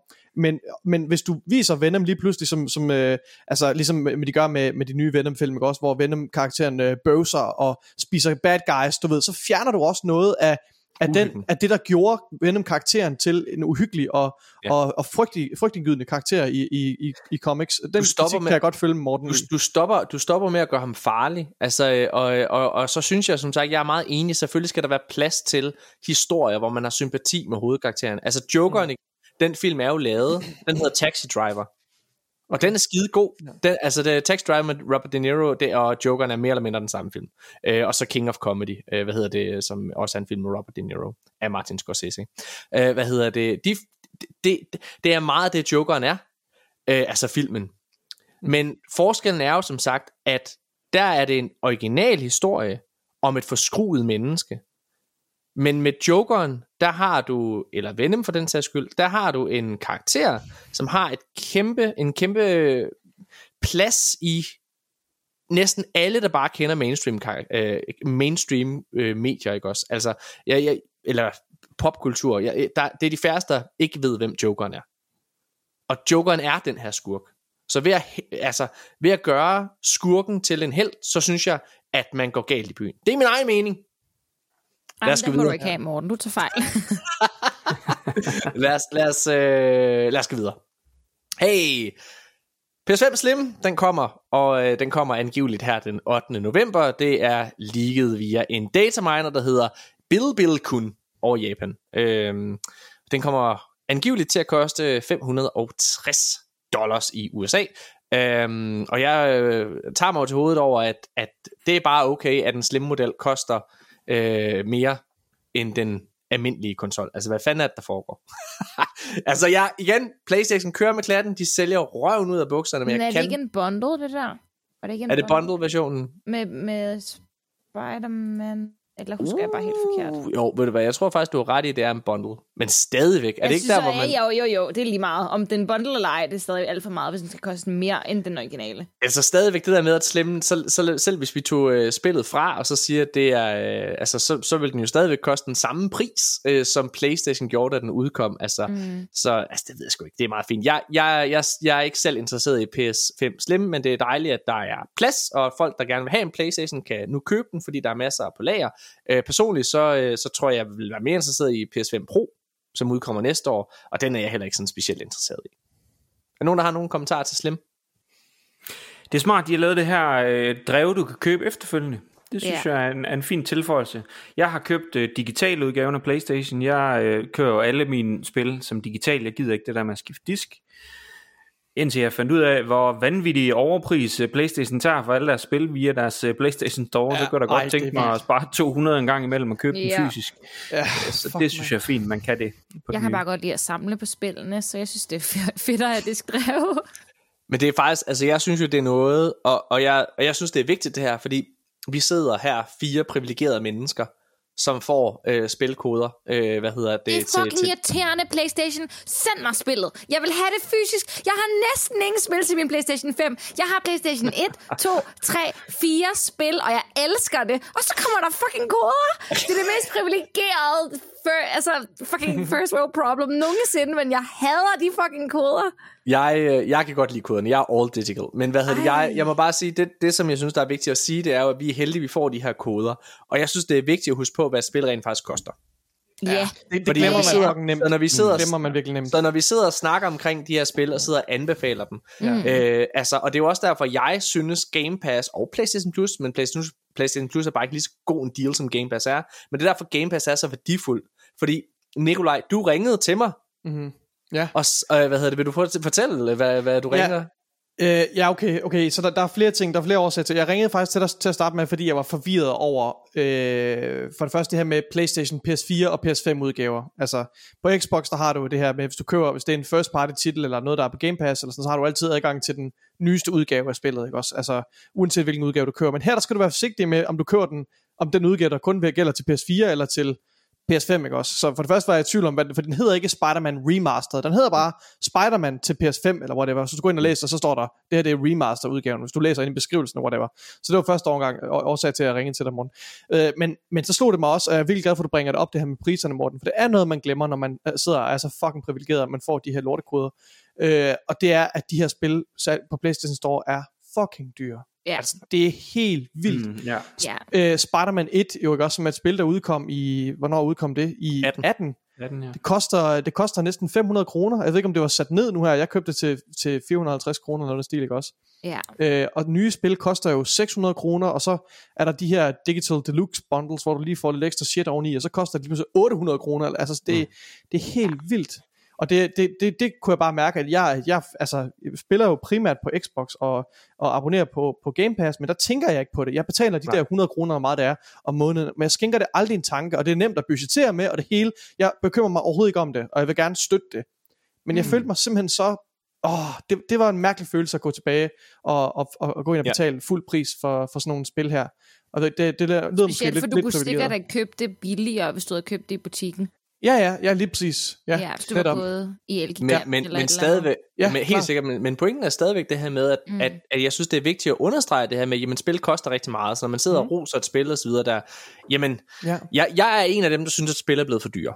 Og jeg tror, at den måde, vi kan bekæmpe det på, det er ved at støtte op omkring subscriptions. Mm. Øh, hvad hedder det? Det tror jeg, fordi det er jo en måde, hvor de får vores penge hver eneste måned, og så kan de bedre budgettere med det, hvis du har rigtig, rigtig mange millioner af subscribers til din platform, jamen vi kan se det på Game Pass, nu behøver vi ikke at snakke om, Game Pass giver mening økonomisk længere, vi kan se ud fra retssagsdokumenterne, der var med Activision Blizzard, det hænger sammen, og det giver endda et overskud. Så vi skal holde vores kæft. Det er fremtiden, og det er en måde, det er virkelig noget, PlayStation i min optik bliver nødt til at embrace, og vi skal snakke om lige om lidt, at de leger catch-up, hvad hedder det, med, med, med diverse ting, men jeg tror virkelig, de er nødt til at embrace det her. Lige nu kører det for dem. Altså, jeg Nu har haft det i mange år. Ja, PlayStation Plus, Ja. men, men PlayStation Plus er jo en dårlig deal sammenlignet med Game Pass. Ja, det er, du- hvis du sammenligner de to, ja, korrekt, fordi du får mange flere nye titler på første dagen. Altså Alle på, titler. Øh, Alle på titler. Gamebox. Altså, du, du, du Game Pass. Gamebox, Hvad- men, men, men, ja, Game Pass. Xbox du, Game du Pass. skal jo aldrig nogensinde, sige. du skal jo aldrig nogensinde tænke over, uha, kan jeg, får jeg, øh, hvad hedder det, Starfield? Får jeg Forza Motorsport? Får jeg Hellblade 2? Mm. Det ved du, du får. Oh. Hellblade 2. Ja, det glæder jeg mig også til. Øh, prøv at høre, lad os, øh, lad os gå videre. Det var bare lige et tidsspor. Men øh, vi bliver ved Playstation, fordi... Så, øh, der har været en, øh, der har været en del fyringer hos PlayStation her det sidste stykke tid. Og det har været lidt en mærkelig oplevelse. Øh, vi har skrevet, hvad hedder det? Vi har skrevet en lille smule om det inde i vores øh, sådan fælles chat. Øh, men det, der er interessant, det er, at, hvad kan man sige, for nogle øh, måneder siden, eller for en måned siden, sorry, øh, der kom det frem, at Naughty Dog havde en masse øh, fyringer, Santa Monica havde det samme. Og det, der var mærkeligt, det var, at det var ikke noget, der var officielt ude. Det var alle mulige mennesker, som kom til at leak det, og de var, der var nogen, der var ude og sige, at de var blevet presset til ikke at afsløre, at de var blevet fyret. Altså, de måtte ikke... Altså, der var alt muligt shit med det, ikke? Øhm, og det virker til, at PlayStation, ligesom resten af industrien, er vigtigt at understrege, året starter med, at X, eller undskyld ikke Xbox, Microsoft, hele Microsoft-koncernen, fyrer 1500 medarbejdere. Så det er vigtigt, og, og EA har haft det, altså der har, der har ikke, nærmest ikke været en, og Ubisoft, altså, der har, ikke, der har ikke været en, et spilfirma eller publisher, der ikke har haft nedskæringer. Men det er mærkeligt, at PlayStation prøver at dække over det på en eller anden måde. Øh, Det fordi så alle sådan, firmaer vel i en eller anden grad. Altså, de prøver jo... At- Nej, det virker altså som om alle de andre bare har reddet plasteret af, og bare sagt, vi har nedskæringer, vi har fyringer. Der kommer et officielt statement ud, øh, hvad Altså, hedder det, så de, i sidste uge, der talte vi det også om, undskyld, det det kan godt være, at du har ret, men det er bare, jeg, altså, en enkelt sag kommer der øh, ind i min bevidsthed fra Ja. sidste uge, hvor der var, også hvor folk jo blev, jeg kan, ikke- altså hvor de, de underskriver alle mulige NDA's, hvor de ikke må udtale sig om, at de er blevet, og de må ikke sige, at de er blevet fyret og så videre. Jeg kan ikke huske lige præcis, hvilken sag det var, men, men det er der noget, der... Jeg er ret sikker på, at det var Playstation, vi snakkede med Naughty Dog der. Fordi det er det, Det eneste faktisk firma, jeg kan huske, som har, hvad hedder. I rest my case.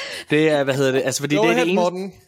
fordi det er det eneste firma, jeg, jeg har oplevet, altså har det her hemmelighedskræmmeri med det. Okay. Øh, fordi at alle andre går ud med nederen statements, som kommer ud på Twitter, og så står der, vi, øh, Hyenas for eksempel også, øh, og Chris Dynamics siger, fuck man, det er noget lort, vi kommer til at have nedskæringer, og så øh, ev, og det samme med, hvad hedder det, Telltale og så videre.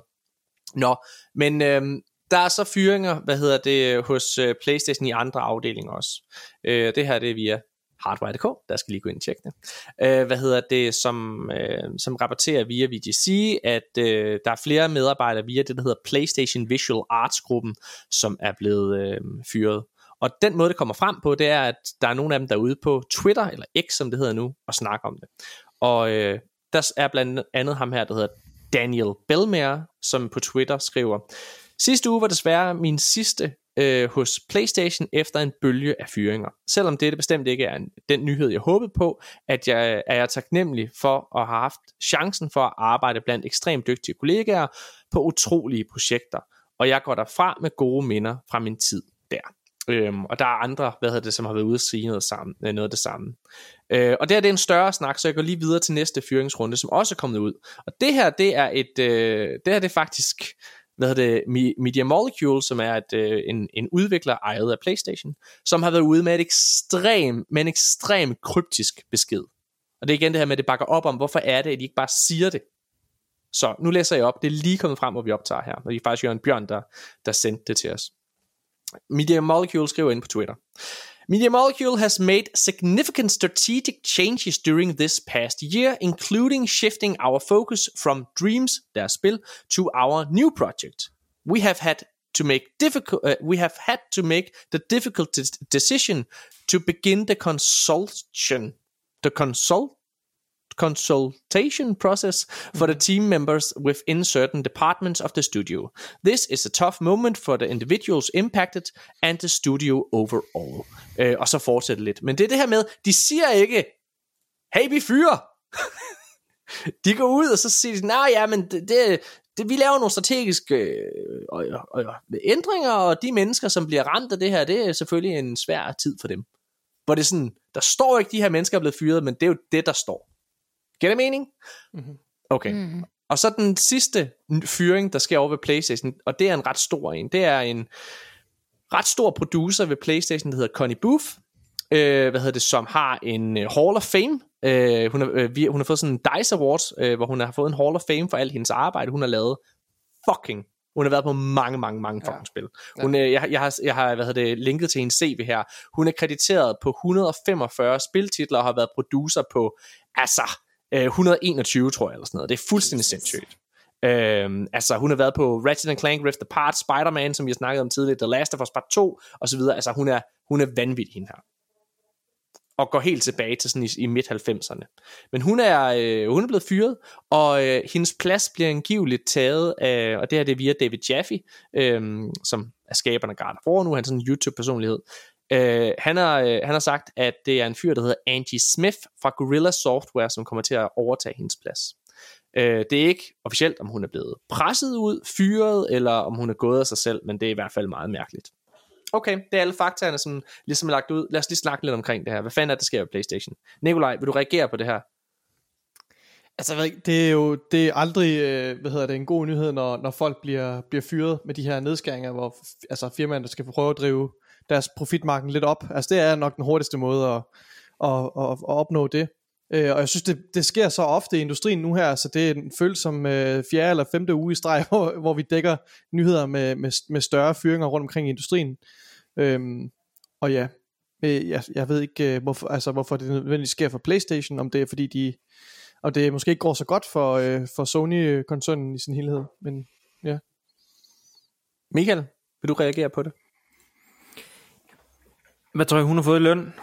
Men det CV der, jeg tænker, det er, Ja. det er en, en Bungie-udvikler, der kan opkøbes en gang om året øh, i det der smidt i hendes retning. Jeg tænker, de har en god grund til at, at træffe den beslutning. Det kan jo også være, at hun selv er, er, er taget afsted. Hun har da et fantastisk øh, CV at gå videre med. Så øh, ja, jeg tror ikke, der er meget mere at sige. Okay. Har du noget at sige, Jeg Melina? inden tænker, jeg- nej, men jeg tænker også det samme med sådan, altså har været der så længe og fået så meget recognition. Altså der skulle være en rigtig god grund til, at hun er blevet fyret, tror jeg. Hvis det kan også bare være det er noget privat. Det kan være, du ved, jeg ved ikke, jeg ved ikke hvor gammel hun er. Hun er den alder, hvor man begynder at tænke pension. Som sagt, hun har nok tjent gode penge, så hun kunne sikkert godt gøre det tidligt, hvis det var det, hun ville. Hvis hun bare havde behov for at komme ud, hun knows. Det tror jeg, vi skal vente lidt på at høre. Men i forhold til alt det andet, så er jeg nok lidt med Nikolaj i forhold til, at det godt kunne lyde, som om det ikke gik så godt. Jeg tror, de er... Ja, altså, jeg vil gerne understrege, Microsoft, Microsoft starter året med også at fyre 1.500 medarbejdere. Ja, det er selvfølgelig rigtigt. Mm, Mm, hvad jeg synes bare, det? alle fyre lige nu, hvad er det, der sker? Det, det, det, det er jo både baseret på ja, altså inflationen, der er kommet, ikke også, men selvfølgelig også er det særligt spilbranchen, som har hvad hedder det, hyret rigtig, rigtig mange mennesker under corona, fordi at al IT bare voksede på det tidspunkt. Og så ja. hvad hedder det, er det hele det sådan gået lidt tilbage til status quo, så der har været også, store ja. fyringsrunder på grund af alt det. Så Ja. igen, jeg, der er ikke, for mig så, det giver max mening, at Playstation selvfølgelig også skal Mhm. fyre ligesom alle de andre. Mit problem, det er faktisk bare den måde, de gør det på. Det er det her med, at, altså, at de ikke melder klart ud, at, mm. Altså, og generelt, så må jeg bare sige, det var faktisk noget, som øh, apropos Colin Moriarty og så videre fra hans øh, podcast Sacred Temples, det var noget, han øh, hvad hedder det, øh, spekulerede i i forhold til Jim Ryan, det er, og vi har snakket om det her i podcasten, fordi vi bliver tit drillet med, åh, vi har kun Xbox-nyheder med. Det er altså, fordi der er ikke særlig mange nyheder, når det kommer til PlayStation. Fordi alt, der har noget med øh, PlayStation at gøre, det er næsten leaks eller et eller andet. PlayStation mm. snakker ikke selv. De har totalt mundkur på. Og øh, hvad hedder det, Colin Moriarty, han sagde, at det, har, det er simpelthen noget, der er kommet efter Jim Ryan er kommet til. At de kun Er det laver det? meget... Fordi er det ikke, okay, men har det ikke også, at den der arbejdskultur med altså hemmelighed og sådan noget, jeg føler, det er noget, der har kendetegnet Playstation i lang tid, men altså før Jim Ryan også. Jeg, øh, altså, vi har jo ikke lavet podcast øh, andet end da Jim Ryan han var der. Øh, hvad hedder det? Så, øh, så, så jeg har jo ikke fulgt så meget med i, i eller mm. fulgt med, men ikke hvor jeg sidder og, og roder efter nyheder hver eneste uge. Øh, men min Okay, men fornemmelse det er hans assessment, den stoler jeg ret meget Nem, ja, men lige præcis. Han har jo, han har jo fuldt Playstation og dækket dem i mange, mange, mange, mange år. Øh, men, men jeg vil bare sige, at min fornemmelse har været den samme. Det er, at, at de har været meget, meget stille. Og det er som om, det, det er som om, man er bange for at snakke, og jeg synes jo, det er det, som det er det Playstation vinder, eller undskyld, det er det Xbox vinder på, det er, at de er åbne. Det er, at de deler alt, hvad deles kan, og både snakker om nederlag, og snakker om de positive ting, og det gør altså bare, jamen, altså der er ikke nogen, der, al reklame er god reklame, er jo det, man siger. Så selv når, du ved, en historie med Phil Spencer, der er ude og sige undskyld for Redfall kommer, så er det stadig en god historie, fordi Xbox bliver nævnt. Ja. Folk snakker Ja. om Xbox, hvor det er, at der er ingen... Jeg holder virkelig på, Ja, fordi det sender et andet signal, at der er, en, at der er en, en prominent leder fra firmaet, som er ude og påtager sig skylden, og, mm. og, og, hvad hedder det, og anerkender spillernes skuffelse og frustration. Altså sådan, at bare virker menneskelig. Der kan du lige pludselig give et, et virkelig positivt spin på en historie, ja. der er virkelig, virkelig negativ. Ja. Altså, mm. Mm, ja. Altså, det er, jeg, altså, Spencer, han er jo fucking uh, PR Midas. Altså alt, hvad han rører til, bliver bare til PR guld. Han er sådan, ja, okay. Jamen, jeg, jeg er jo, øh, altså det er jo ikke nogen øh, overraskelse, det er jeg jo meget enig i, Nikolaj, ja. Og, jeg- og, og, og, og jeg synes, øh, jeg synes simpelthen, det er, jeg synes, det er weird, at Playstation ikke adapter. Og jeg er med på, jamen hvorfor skulle de gøre det? det altså, de sælger mange flere konsoller end andre andre, men jeg vil simpelthen, jeg vil holde på, at det gør de kun på grund af den succes, de har haft med PlayStation 3 og 4.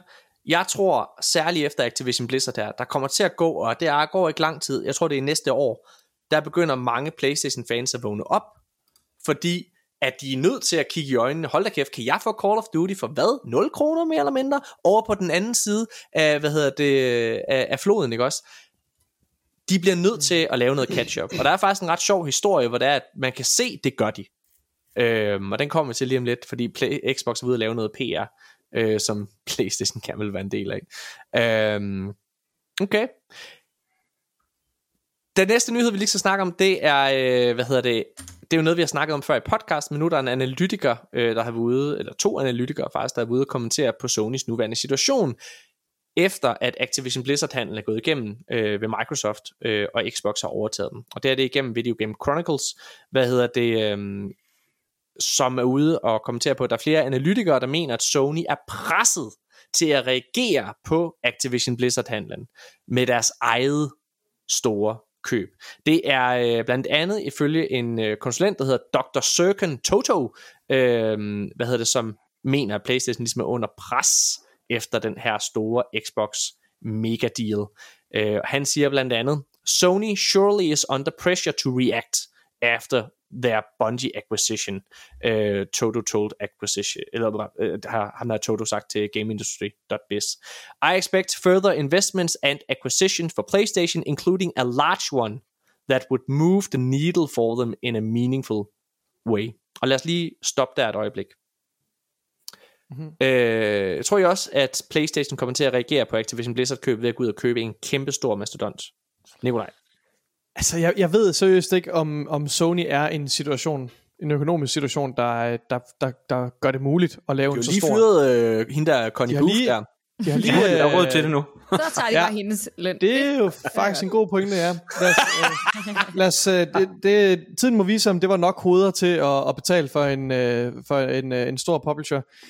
Det, det ved jeg sgu ikke. Jeg ved ikke, om, om jeg nødvendigvis synes, at de behøver at gå ud og prøve at, at matche øh, Xbox i, øh, i at, at spille med musklerne. Jeg tror, altså Sony har i høj grad allerede et virkelig, virkelig stærk, nogle virkelig, virkelig stærke IP'er, som vi har set allerede nu med, eller med Spider-Man, ikke også? Og, så, så jeg ved ikke, om de nødvendigvis skal ud og, og gå og lave en shopping spree. Jeg tror, det der er brug for, det er en, en omstrukturering. Jeg tror, de skal kigge på, på de uh, franchises og de studier, de allerede har, og så skal, de, så, skal der, så skal der tænkes lidt ud af boksen, og måske skal der, måske skal der være mindre fokus på de der uh, game as service titler. Uh, jeg tror ikke, de kommer til at, at nødvendigvis gå ud og lave store køb. Det tror jeg ikke. De har også lige for ikke længe siden købt Bungie. Altså, uh, ja.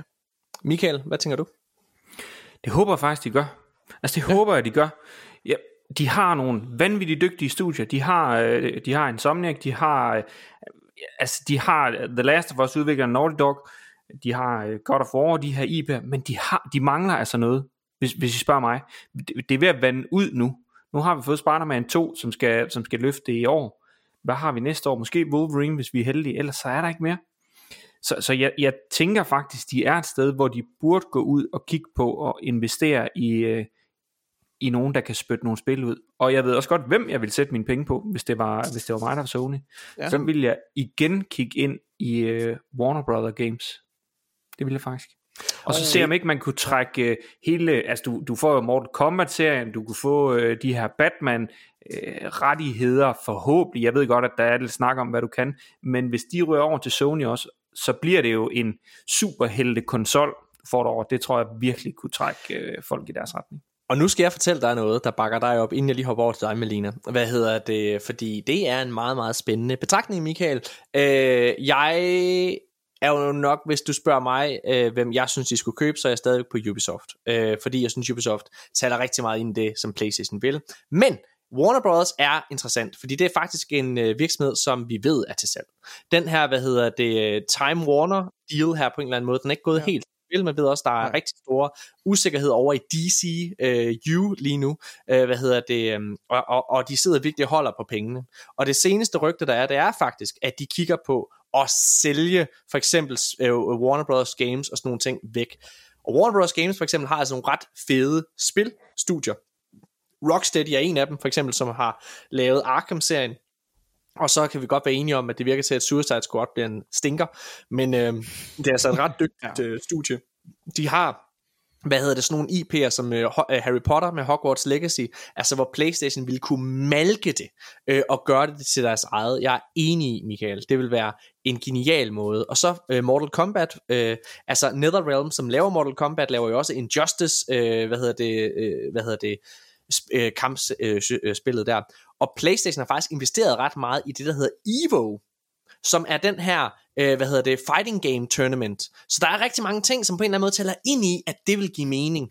Øh, ja, så det er et spændende bud. Melina, vil du jeg har komme ikke noget bud overhovedet, men jeg synes, det lyder fucking fedt, hvis de tager Warner Brothers. Det bliver sygt mm. nice. Men, Alle de men, muligheder. Men hvad synes du om, øh, hvad hedder det, om, om PlayStation? Synes du, de skal gå ud og investere? Føler du, de skal have et modtræk til Activision Blizzard-sagen? Jeg ved ikke, om jeg synes, de skal, men jeg tror, det vil være smart. Altså, jeg tror, de skal til at tage det lidt mere seriøst, som om det rent faktisk er de konkurrenter, de er. Altså, at de, de falder bare lidt af lige nu, specielt med, hvis vi ser på bare det her med Xbox Game Pass versus PlayStation Plus, ikke? Altså, ja. øhm, der er, det er bare ikke, altså, PlayStation, I love you, men kom lige ind i kampen, please. altså, få nogle af de nye titler med, så der er noget mere spændende, så jeg synes, ja, jeg synes, de burde gøre et eller andet, om det er at gå ud og købe noget andet, eller gøre et eller andet andet, de, burde, de skal gøre et eller andet. De skal gøre et eller andet. Er det, er det noget, du tænker på? Du er jo kæmpe stor Playstation-fan, Melina, ikke også? Mm. Altså, og, og, og man kan sige, jeg er sådan console agnostic. Altså, jeg er spiller der, hvor vi får koder, og er rigtig glad for Playstation Plus, og, eller undskyld, mm. jeg er rigtig glad for Playstation og for Xbox. Hvad hedder det? Øhm, altså, øh, og Nintendo for den sags skyld. Så jeg spiller der, hvor, hvor spillet er, kan man sige. Ja. Men du, du, du er, øh, ligesom Nikolaj nok er, en, er blevet en Xbox-mand i hjertet, mm. så er du øh, en Playstation-kvinde i mm. hjertet. Ja. Har, og når vi snakker om det, hos mm. os, så snakker vi meget om, hold da op, der sker godt nok ikke meget. Vi ved en masse titler efter det her seneste league, så kan mm. vi bare se den her, det her bjerg af, ja. af spil på Xbox-fronten, som ja. er i vente de næste par år. Mm-hmm. Og der kan man ikke sige det samme om PlayStation. Nej. Altså det, er, det, er sådan, det kan nærmest tælles på en hånd, hvad, ja. hvad vi ved måske kommer, øh, ved mindre det bliver, øh, hvad hedder det, cancelled, ligesom The Last of Us Factions er blevet det. Ja. Hvad hedder det? Så altså, er det noget, du tænker over, at, at, at at det er lidt øh, ja, stille i, med udgivelser på den front? Mm, ja, det er, det er noget, jeg tænker over, men jeg er jo også så heldig at have en computer. Jeg, har, jeg, jeg er jo meget privilegeret i, at jeg både har en Playstation, jeg har en Nintendo Switch, og jeg har en computer. Så mulighederne for at spille spil er der nok af, hvis ikke det bliver released på min Playstation. Men jeg har mest lyst til at spille single player RPG-spil. Den type spil har jeg mest lyst til at spille med min controller i hånden på min Playstation. Øh, det er der, jeg nyder det mest, fordi det er det, der er, jeg ved ikke, det er bare det, jeg synes er fedest. Det er den fedeste oplevelse for mig, og den, jeg tror, det er den følelse, at jeg lever mig mere ind i spillet. Jeg er mere en del af spillet, når jeg sidder der med min controller og bare chiller og hygger med det, end når jeg sidder med min mus og min keyboard. Det er bare ja. ikke det samme. Det er ikke det samme. Altså, PC er forfærdeligt, Melina. Du har helt ret. Jeg er enig. øh, hvad hedder det? Jeg, øh, hvis jeg skal prøve at vende tilbage til det store spørgsmål, synes jeg, at Playstation skal købe nogen og komme med et modsvar til Activision Blizzard? Ja, det synes jeg virkelig. Jeg, øh, jeg, øh, for mig så behøver modsvaret ikke at komme i øh, at købe et studie. Jeg tror sagtens, helt seriøst, hvis Playstation i morgen gik ud og meldte ud, fra nu af, der kommer alle vores first party titler, og dem har de altså, at de har måske maks to om året, ikke også, som det er lige nu. Mm. Øh, hvad hedder det? Alle vores first party titler, de kommer også day one på PlayStation Plus Premium. Præcis. Hvis de gjorde det, Ja. helt seriøst ikke også? Så vil jeg og, og, selv og, abonnere på PlayStation Jamen, Plus ja, Premium. præcis, altså jeg, jeg abonnerer allerede, men jeg vil, med det, også. med, hvad hedder det, men der vil være en grund til at gøre det. Lige nu gør jeg det mest bare fordi, øh, hvad hedder det, jeg, jeg, men de vil kunne vende argumentet for at få Game Pass med det samme. Fordi man kan jo ikke komme udenom, at når det kommer til kvalitet, så er Playstations bar altså ekstremt høj, ikke også? Ja, det det. Øh, så det vil være, det, jeg kan simpelthen ikke forstå, at de ikke kan se, at det kunne give økonomisk mening, også PR-mæssigt for dem at gøre. Og ja. hvis de skulle købe nogen, så er jeg som sagt meget på, at de skulle købe Ubisoft. Øh, det vil også være en nem måde at snyde Microsoft til at få deres, hvad hedder det, øh, Call of Duty-titler, øh, fordi at øh, de har lige lavet en, øh, en streaming deal, hvor, hvad hedder det, um, Call of Duty er en del af Ubisoft streaming service. Jeg synes, Ubisoft giver mening, fordi at de spil, PlayStation gerne vil lave lige nu, det er det, Ubisoft laver. De vil mm. gerne lave store open world spil, tredje persons øh, open world spil, ikke også, som har den her Ubisoft model, ligesom Spider-Man. Spider-Man er et Ubisoft spil. Altså uden der står Ubisoft på. Øhm, Mm. Og Jeg det synes er bare det. ikke altid, at Ubisoft har det bedste ry. Øh, det er måske også bare mig, der oplever, det meget på, Ej, det på stream. Og jeg ved bare ikke om i forvejen, om det måske er det bedste valg, Jeg, PlayStation jeg, skulle tage. jeg tror... Det sælger jo øh, godt alligevel. Altså. Ja, det, Det- det gør det, det men gør det er bare det. så snart, jeg sådan Ja. nævner en Ubisoft-titel på stream, mm. så er folk sådan, åh, oh, det er bug, det skal du ikke spille. Og Ja, så er man sådan netop. lidt, okay, men, men, men jeg vil gerne. Og så går jeg i gang med at spille det, og så er jeg sådan, åh, oh, ja, det er bug, det skulle jeg ikke have spillet. Altså, jeg, jeg føler virkelig, jeg føler virkelig, Ubisoft er på vej tilbage. Øh, hvad hedder det, og ved at lave comeback. Jeg synes, der mange af deres titler ser fede ud. Star Wars Outlaws ser fede ud. Mm. Øh, det Ja, virker som om, de det. og også, jeg er spændt på Avatar, øh, hvad hedder det, pa, hvad hedder det Pandora-spillet. Fordi, ja. at, øh, fordi det, der er interessant ved den titel, det er, at de på en eller anden måde tager deres Far Cry-formel, ligner det, og putter ind i en kendt IP. Mhm. Og det synes jeg er en klog beslutning. Og jeg synes også, spillet ser fint ud, øh, umiddelbart. Så det, det, det er jeg meget spændt på. Så som sagt, øh, ekstra, den der, hvad hedder det, Extractions, nej, hvad fuck hedder den? Det der, det der Call of Duty-klon, hvad hedder den? Øhm, X-Defiant. X-Defiant ser fed ud. Øh, Extractions. Ja, hvad? Der er, me- men der er meget, jeg synes, der ser, jeg synes, de har gang i mange fede ting lige nu. De er ved at Mm. vende skuden, så lad os se. Nå, øh, der er et andet øh, bud på, hvordan Playstation ligesom kan konkurrere mod Xbox, og det her det er fra øh, stadig den her artikel, som jeg talte om tidligere. Fordi der er en, øh, hvad hedder det, Media, som er sådan en research sted, øh, hvad hedder det, deres senior game analyst, som hedder Carol Severin, øh, hun, øh, hun siger, hun tror ikke på, at at PlayStation går ud og, og svarer Activision købet ved at købe Take-Two eller sådan noget. Hun siger i stedet for, øh, undskyld, det er en han, øh, hvad hedder det, han siger i stedet for, at Sony burde sådan kapitalisere på deres styrker, når det kommer til film og tv. Altså tværmedielle produktioner. Øhm, og så han siger her, Sony has one of the most impressive content content catalogs on earth. Bringing, bringing it together in a subscription offering, for example, could pose a solid competitive answer to Xbox's cross-platform efforts. It will be increasingly difficult to compete with Microsoft on games only. The only response for Sony on the games only side uh, would be buying something really like Take Two, but that is unlikely. Ja, så lad os se. Øh, og i forhold til, om de har råd til at købe sådan nogen som Take Two eller sådan noget, men man kan jo tage et lån. Det kan store virksomheder godt gøre. Øh, så alle snakker om, åh, men Playstation har ikke råd til, at de har slet ikke de samme penge som Microsoft. De kan låne de penge. Så altså, selvfølgelig kan de det, hvis de vil. Men lige nu, der tror jeg bare, at de er så... De, de kigger bare på Renterne det. er bare så høje lige nu, Morten. De ser, at det går så fucking godt. Hvorfor skulle de gøre noget? Og det er jeg da enig i. Hvis man bare sidder og tænker, tæ- tænker kortsigtet, så har de masser af mad i køleskabet lige nu. Men købmanden har altså lukket i morgen. Og fordi Microsoft har købt det hele. Så altså, jeg vil helt klart, øh, jeg vil begynde at overveje, at man skulle tage ud og finde en anden by at handle i. Nå. Jeg ved ikke, om det var en god metafor. Lad os, Du forsøgte, du forsøgte. Det tæller. lad os gå videre. Hey, der har været konsolkrig. Øh, og alle har kunnet sidde og kigge med, fordi øh, Xbox, der er det her verdens største billboard, som er i Las Vegas, mm-hmm. øh, som hedder, hvad hedder det, øh, hvad fanden hedder, hedder det bare det, La, det Las Vegas Skyline, er det det hedder? Nej, øh, øh, det hedder, Sphere. Ja, Ja, Ja. Ja, Sphere, ja, præcis. Sphere. Øh, hvad hedder det, som er den her kæmpe, kæmpe, kæmpe, kæmpe store, øh, i- hvad fanden er det? En t- et tv-skærm, hvad er det? En Sphere, hvad, hvad, hvad fuck er ja, det? men det er vel sådan en Det stor er en sfærisk... kæmpe rund kugle. Ja, en stor er en øh, monitor. Jeg tror, at det, det, er vel, det er vel en skærm, ikke også? Det er ikke en, Jo. det er ikke en projektor, der, der projicerer det op på noget. Det er, det er skærme, ikke Mm, også? Som ja, er arrangeret lige en kugle. Ja.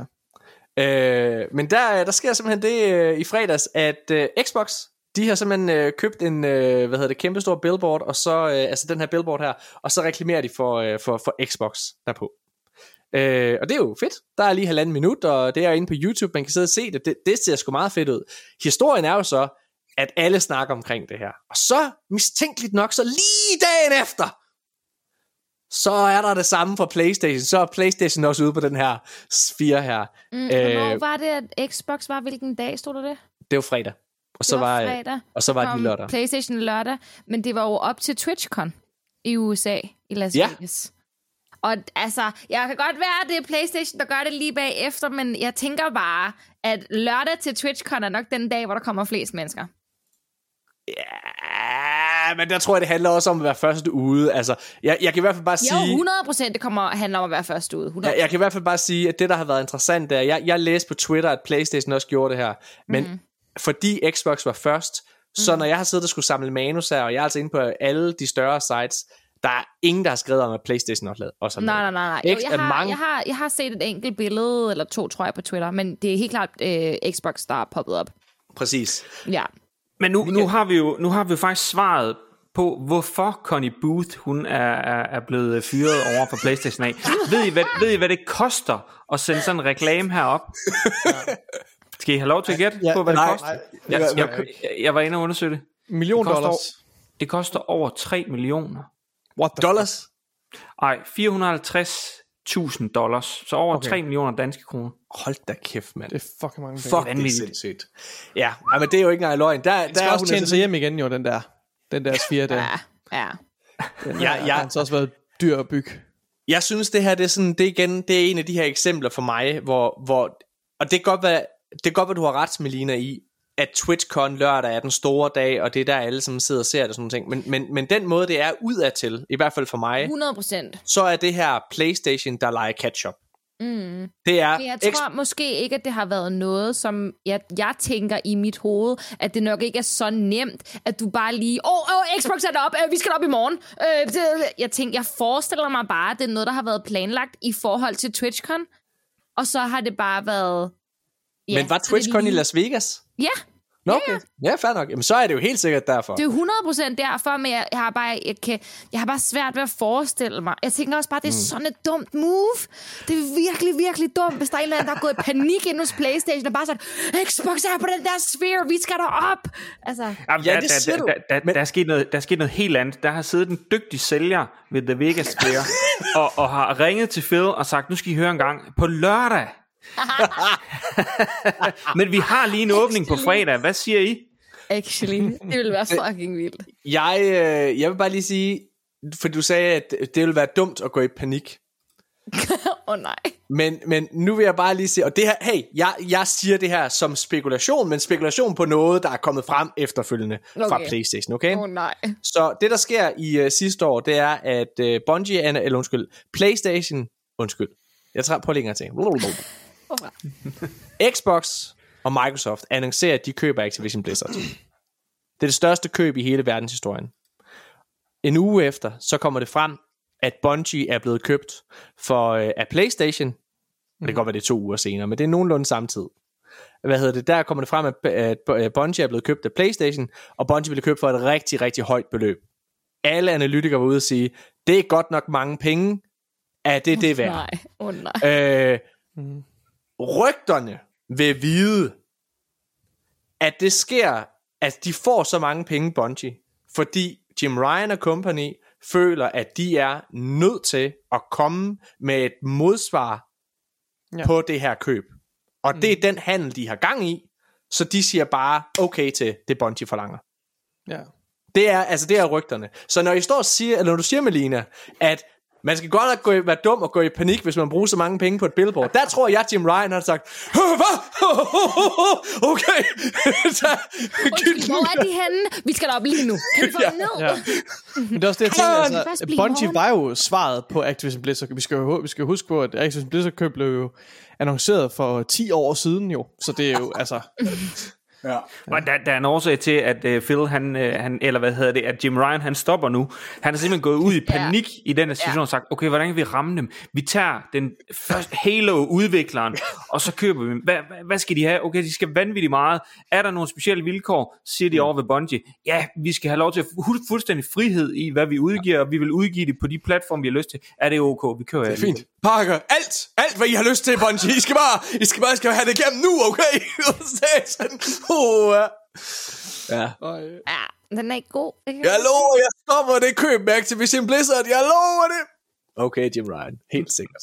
Hvad hedder det? Øh, lad os gå videre. Næste nyhed. Hey, apropos Microsoft. De, øh, Microsoft har arrangeret sådan en øh, tredjeparts showcase. De kalder det Xbox Partner Preview Stream, som kommer til at vare cirka 30 minutter. Øh, kommer her i morgen, når vi optager. De kommer blandt andet til at vise lidt med Alan Wake frem, og sådan nogle, som siger mig Minus, og Like a Dragon, og sådan nogle titler. Oh, ej, det er fedt. viser de også frem. Men det, der er interessant, det er, det her, det er jo mere eller mindre Xbox svar på et State of Play. Med Ja, et lille, Ja, ja det er ikke det. jo, det er det.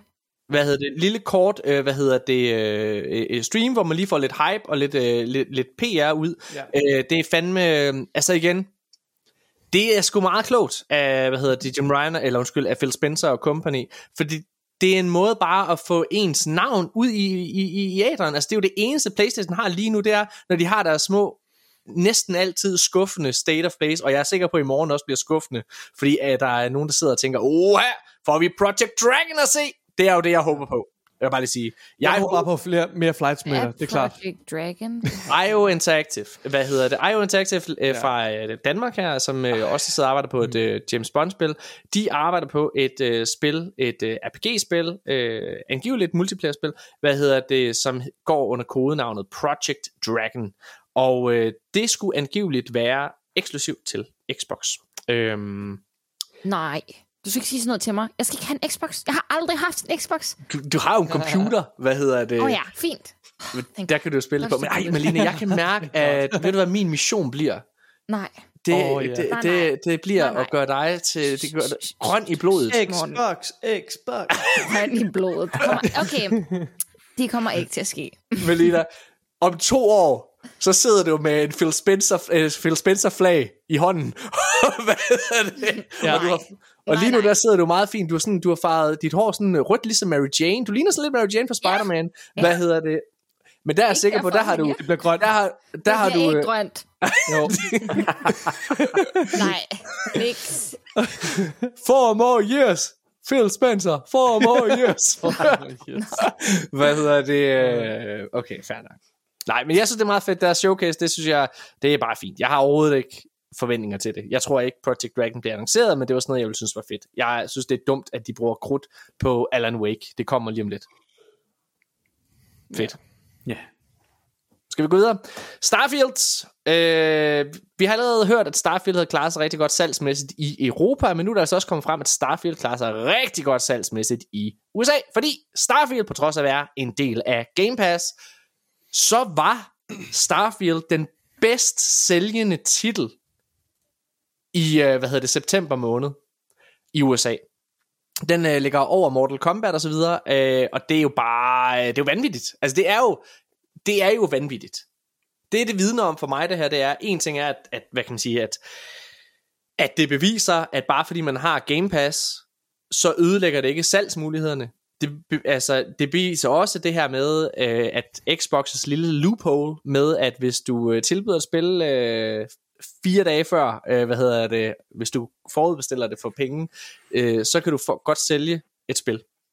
Det her det er jo primært øh, Steam-tal, og så er det forudbestillinger på Xbox, selvfølgelig. Det er sindssygt. Mm. Altså det, Og det er sindssygt smart. det er sindssygt smart. Men det er også det er vanvittigt, at Starfield sådan sælger altså så, så meget her. Jeg, jeg, jeg hørte, øh, hvad hedder det, apropos den der episode af Sacred Symbols, jeg lyttede til, der hørte jeg Colin Moriarty, som jo er glødende Playstation-fan. Dig og ham, I vil komme rigtig godt ud af det, Melina. Hvad hedder det? Øhm, Ja. Der hørte jeg ham sådan sige, "Ah, men prøv at, vi, vi, hvad- det kommer aldrig nogensinde til at sælge lige så meget som uh, Spider-Man. Nej, det gør den nok ikke.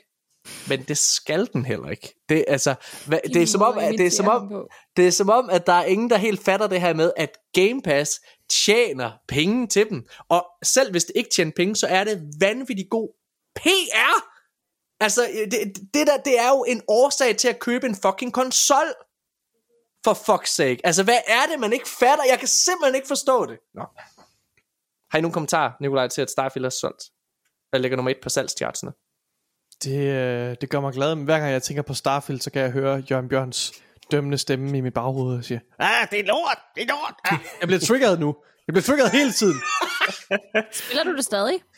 Øh, nej, det gør jeg ikke. Øh, nej, det gør jeg ikke. Det var godt, men så godt var det heller ikke. Jo, jo, jo, jo. Det er bare fordi, jeg har mange andre spil til, jeg spiller. Jeg har længe gerne vil vende tilbage til det, og jeg, det er faktisk ikke ret lang tid, siden jeg spillede det igen, og lagde mange timer i det. fortalte jeg også i podcasten, at jeg faktisk blev slugt, opslugt af det endnu en gang. Øhm, for Må jeg bare lige sige, må jeg lige, må jeg, kan, kan jeg huske at starte med at sige, at jeg havde, øh, jeg, jeg havde stillet op til det her erhvervs, øh, et eller andet fucking skolepisse op i Aarhus, øh, hvor, jeg, hvor, jeg havde, hvor jeg havde snakket, ikke? Øhm, Det, og det, nu, var en god oplevelse. ja, det var super hyggeligt, det var nogle søde mennesker. Hvad hedder det? Men hvad hedder det, øh, hvor jeg snakkede omkring spil. Og der må jeg bare lige sige, alle mine fordomme omkring unge mennesker, den, hvad hedder det, øh, altså, og, og den måde, de vægter spils værdi på, blev bare bekræftet, fordi de sidder og, og stiller spørgsmål, og så spørger de, hvad er dit yndlingsspil? Og så siger de, "Men det er The Last of Us Part 2.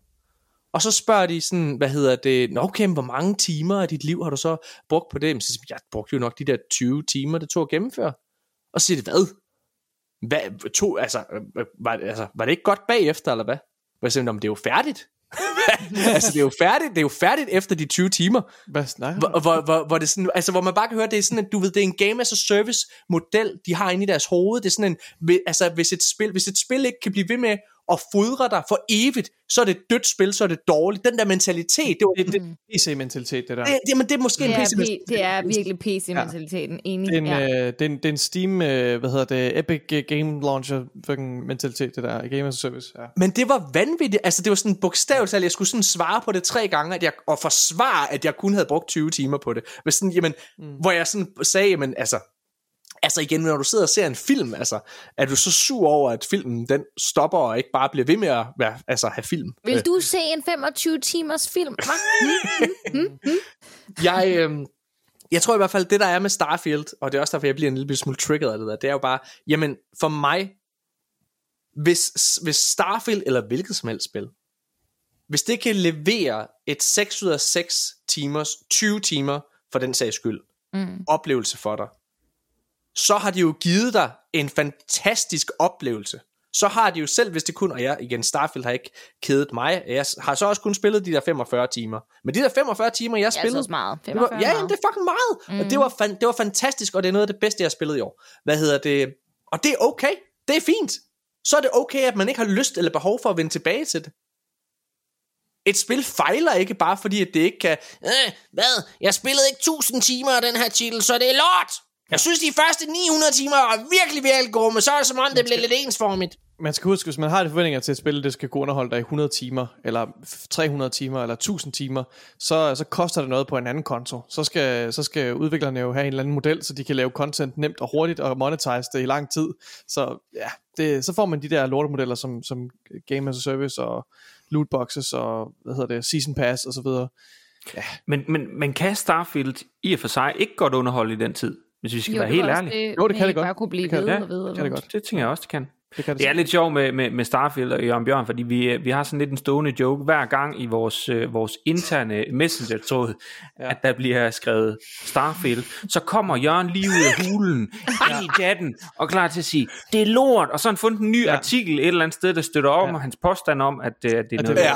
Han, han, han, har, han har en en masse... ny video, Ja, ja, ja. ja. hvor det er helt boks. Ja. ja. Altså, der er, han har altid noget. Men der er, også, der er også generelt den her diskurs på nettet, som jeg i hvert fald lægger mærke til på, på Reddit og så videre, med at, at folk deler, og de her tweets, øh, eller Reddit, de her Reddit posts er meget populære, med at folk deler, så, som set, øh, nu her så jeg et billede fra, øhm, med en, en NPC-karakter, som ser helt fucked ud. Altså, mm.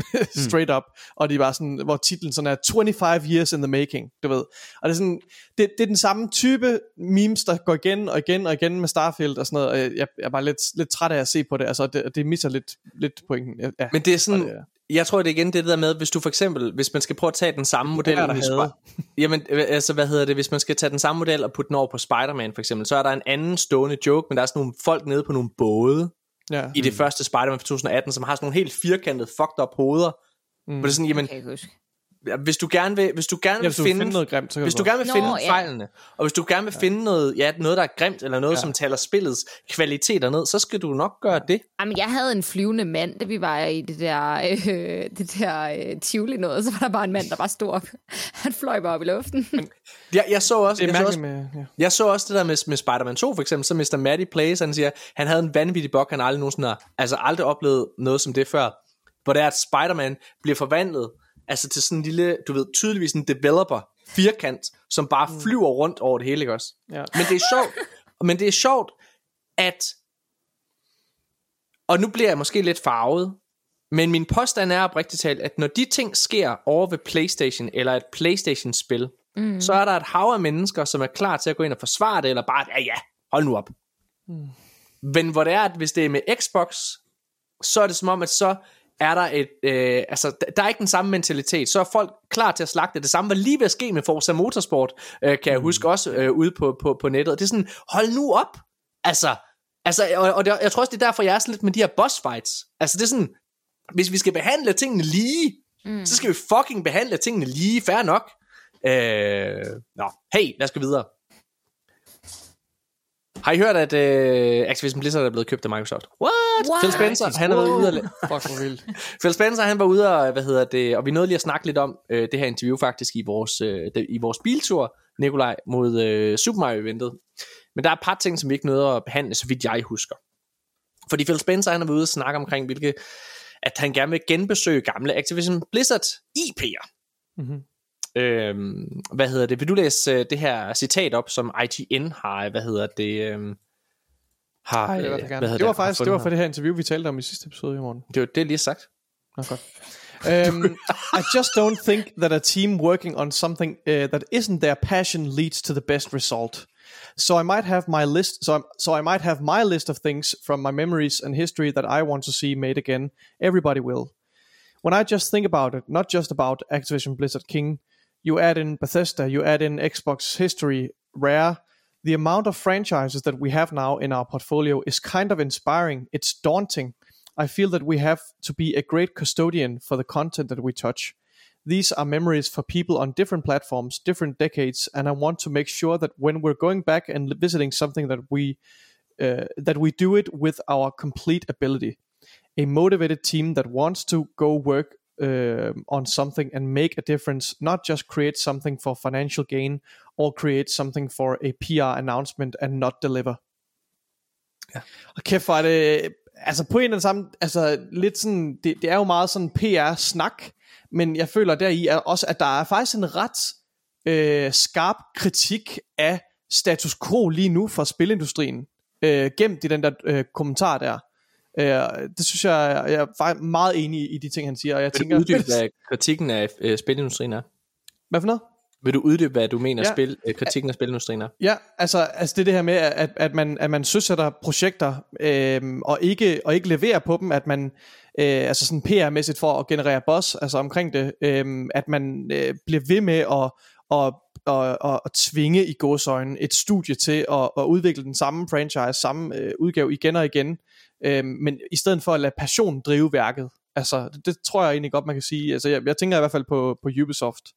Øhm, ja, comes Ja, to mind. jamen jeg, jeg Men- er helt enig. er Altså, det, er eksempler. jo, det er jo det, som jeg synes, der er fantastisk ved Phil Spencer. I hvert fald så længe han er ved roret her, så virker det til, at han tillader, at alle de her udviklere, de arbejder på det, de synes er fedt. De arbejder på, på projekter, som de har lyst til, og selvfølgelig bør man da, altså man er da idiot, hvis man ikke tager fat i nogle IP'er, som har noget nostalgi forbundet med sig, som kan sikre noget købekraft af en eller anden art. Der er i manus her, så har jeg, hvad hedder det, lavet et link til øh, de 36 nye IP'er, som Xbox og Microsoft nu ejer, øh, som Activision Blizzard tager med. Og så vil jeg gerne bede jer om at finde det spil, I gerne vil have, øh, hvad hedder det, bare et spil tak, som, øh, hvad hedder det, som I gerne så Activision øh, genbesøgte med Xbox i ryggen nu her. Og jeg kan starte, mens I sidder og leder.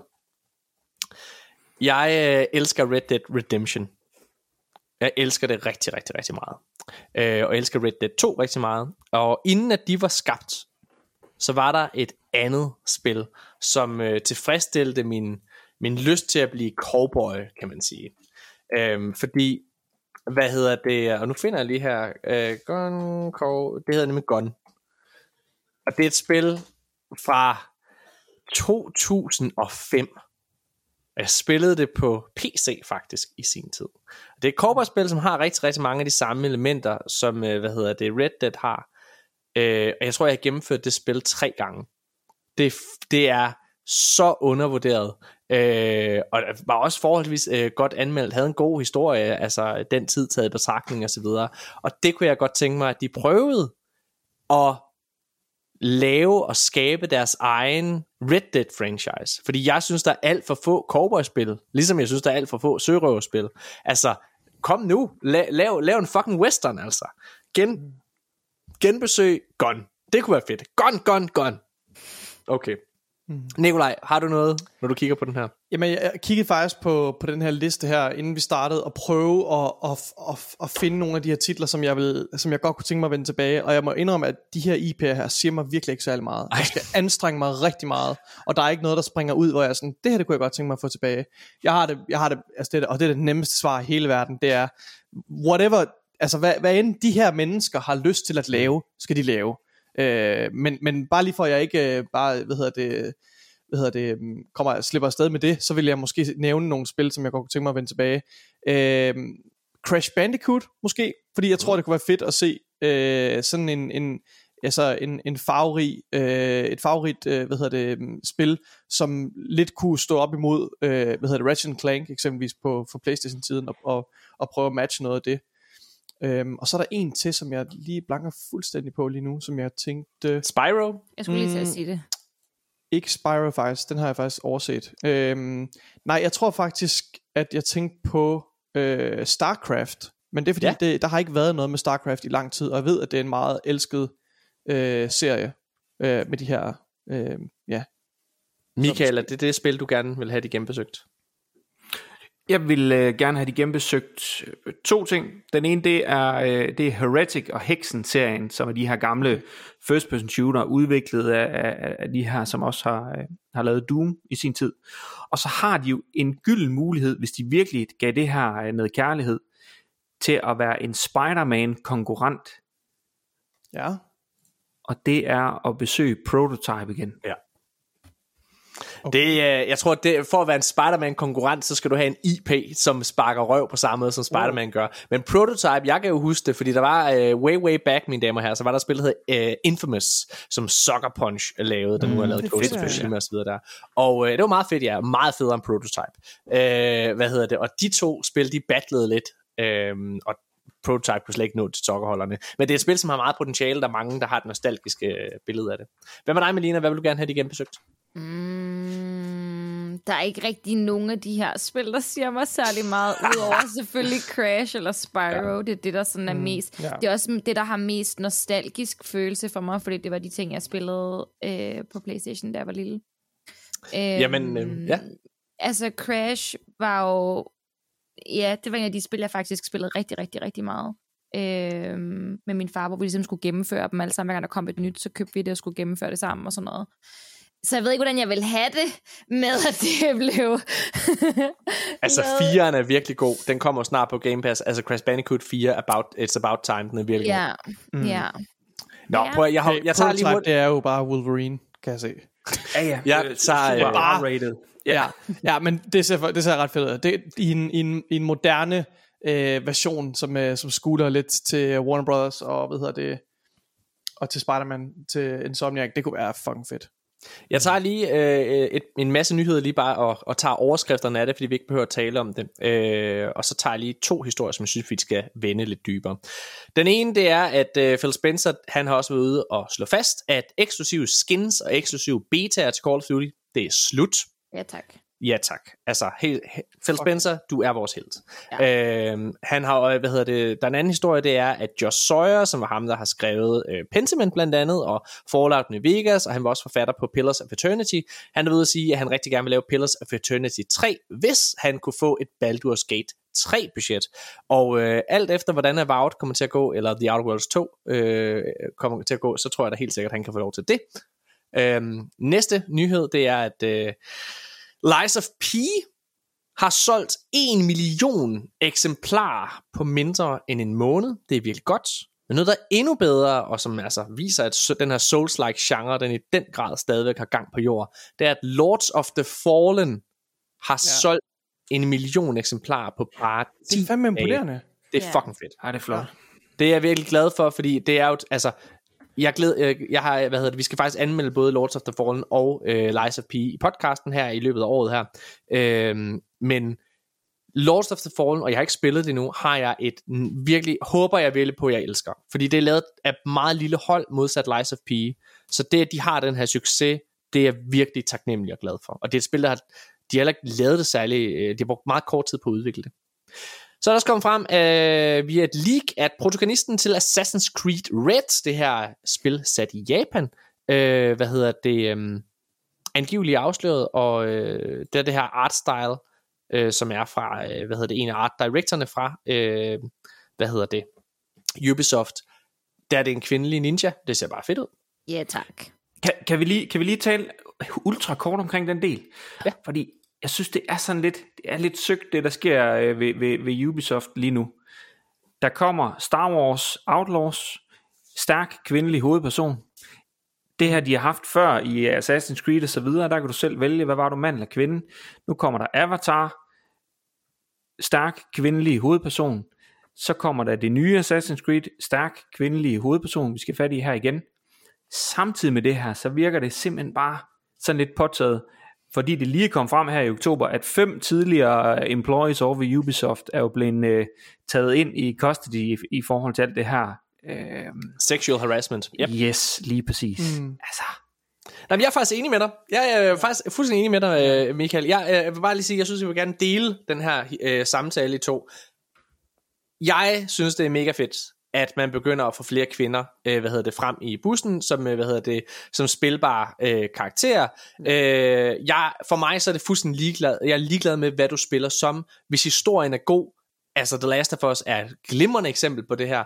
Øh, hvis historien er god, så er det fucking lige meget, hvilket køn man er. Øh, men, der hvor jeg vil bakke dig fuldstændig op i den, den vej, du er ved at gå, Michael, det er, jeg synes også, det er søgt. Det er en, på en eller anden måde, fordi Ubisoft har haft virkelig mange grimme anklager, øh, hvad hedder det, rettet mod sig i forhold til det her sexual harassment, den måde, de behandler blandt andet deres kvindelige medarbejdere over hos sig. Det er på en eller anden måde, jeg, altså, det er som om, de har tænkt, at hvis vi bare sørger for at have nogle kvinder fremme i bussen i vores spil, vi laver, så har vi ryggen ren. Hvad hedder det i forhold til den kritik, der kan komme øh, internt? Altså, det, øh, det synes jeg er vanvittigt. Det synes jeg også er søgt. Ja. Jeg har ikke behov for at sige mere. Har du, Michael? nej, nej, nej. Fedt. Jamen, øh, bum, bum, bum, bum. så kommer Fallout TV-serien. Den kommer den 12. april næste år. Det er en serie, jeg glæder mig rigtig meget til.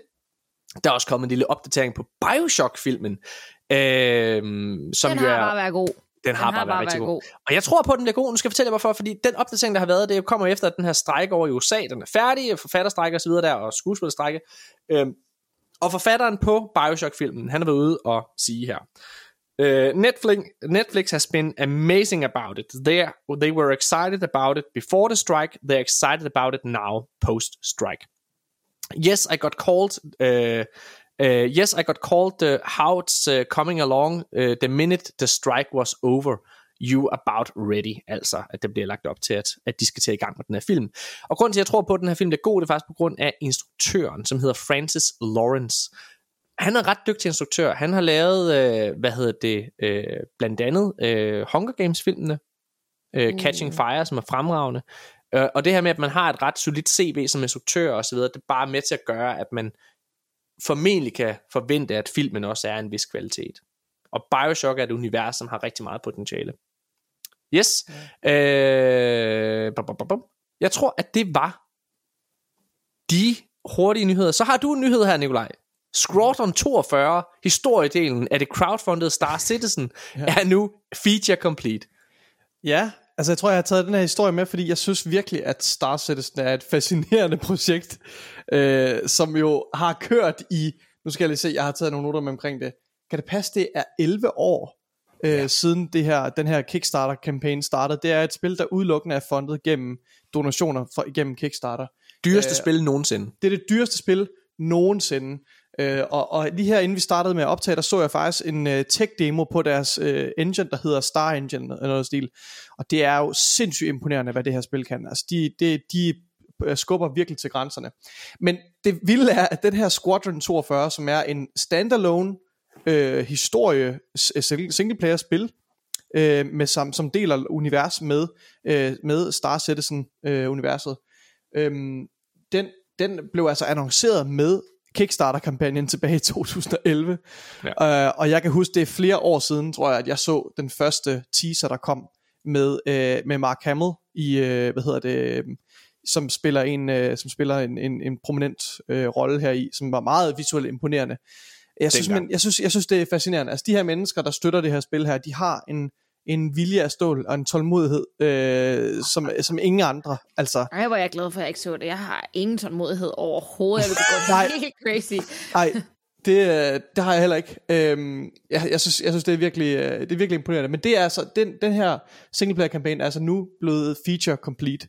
Så og man spekulerer lidt i, at den måske kunne launche i, i 2024.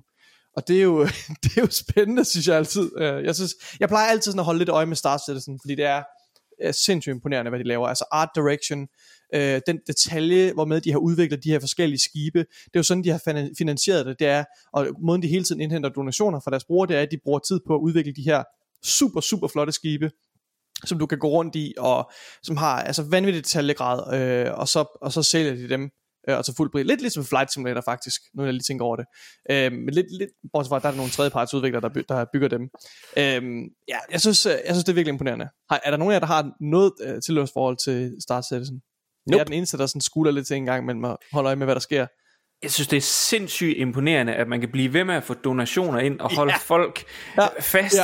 i så mange år. Ja. Altså, det, jeg ved ikke, om jeg nogensinde tror, det spil det kommer ud. Nej, altså, nej. De kan jo ikke. Det er et altså, uendelighedsprojekt. De hvis kan, det nej, udkommer nu, Ja. det kan kun fejle, hvis det udkommer.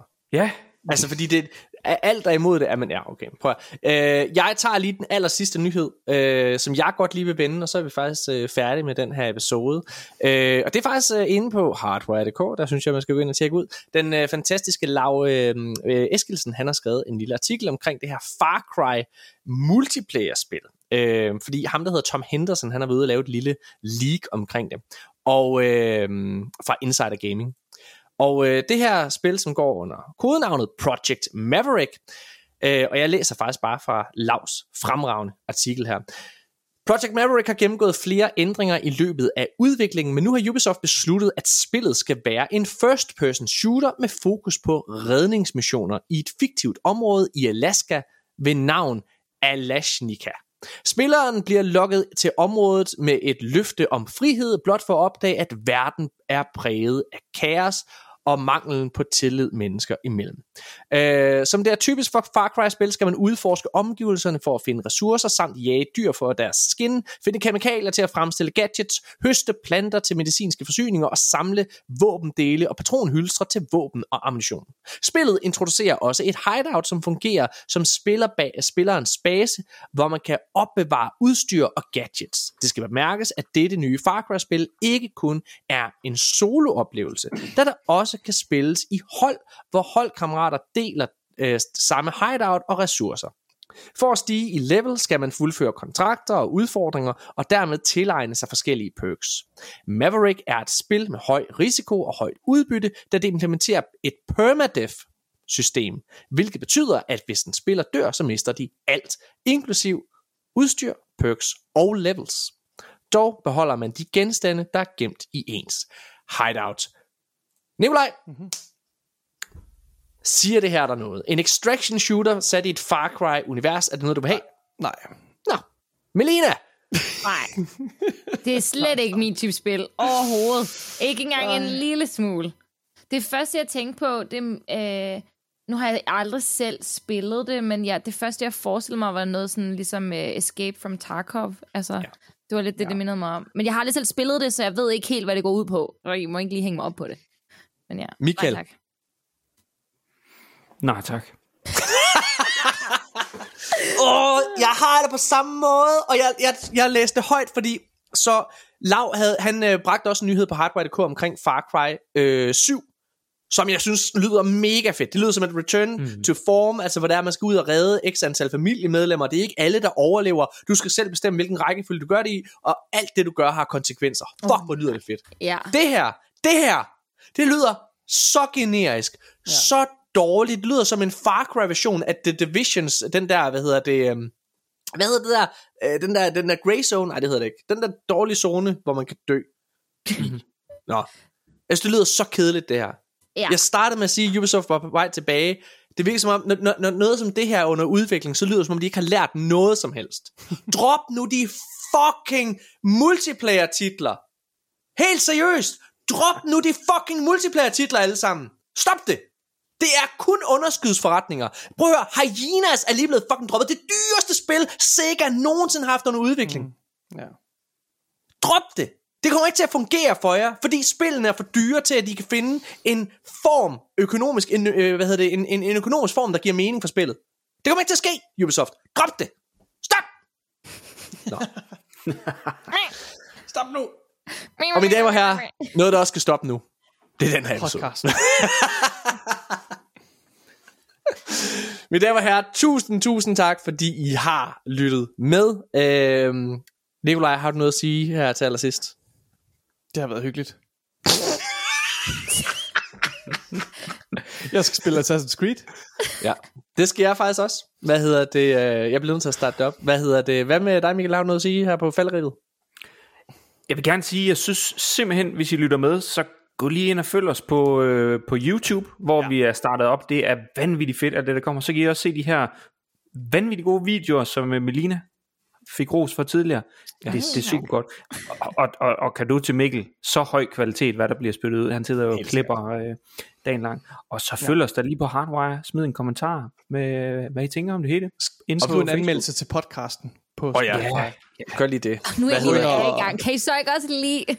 Og gå ind og følg os på Spotify også. Det er nice. Og øh, hvad hedder det? Hvis jeg lige må øh, følge lidt op, så i dag så har vi faktisk også startet en Instagram-profil op. Og hvad hedder det? Så jeg synes, hvis man skal wow. Gøre noget, så øh, hvad hedder det, skal man gå ind på Instagram, lige give et follow der. Øh, man skal gå ind på Facebook, give Hardwire et follow der. Ved du hvad, det hedder- gør jeg, Morten. Jeg gør det nu. Instagram, det er Har du arkaden.dk. gjort det endnu, Nikolaj? Har du gjort det? Nej, okay, jeg Ej, ej, slap ej, af. ej, ej, ej. Og så skal man selvfølgelig følge det på YouTube, øh, og man skal følge den her podcast. Prøv at, I skal bare fucking følge arkaden. Det er fucking fedt, okay? Det bliver pissegodt. Hvad hedder det? Det bliver, det bliver Ja, godt. ja. Jeg lover det, det bliver godt. Det skal nok blive bliver godt. godt. Og lige give os et par måneder endnu. Det, det, det, det bliver godt, det bliver godt. Og I skal også følge Melina på Twitch. Hvad hedder det? øh, Og, øh, og så Det vil jeg bare... på fredag. ja, nu er Alan Wake. Skal, klæder du egentlig også ud til Alan Wake, Melina? Nej, det gør jeg ikke. Jeg vidste ikke, Ej. hvad jeg skulle klæde mig ud som, hvis jeg skulle klæde mig ud. Men Ej, nu havde jeg- jeg, jo jeg kan bare sætte lige. Spider-Gwen. Hvad siger du? Han, Siger, jeg, jeg kan sætte fuldskæg. Ja. Det kommer jeg ikke til at gøre.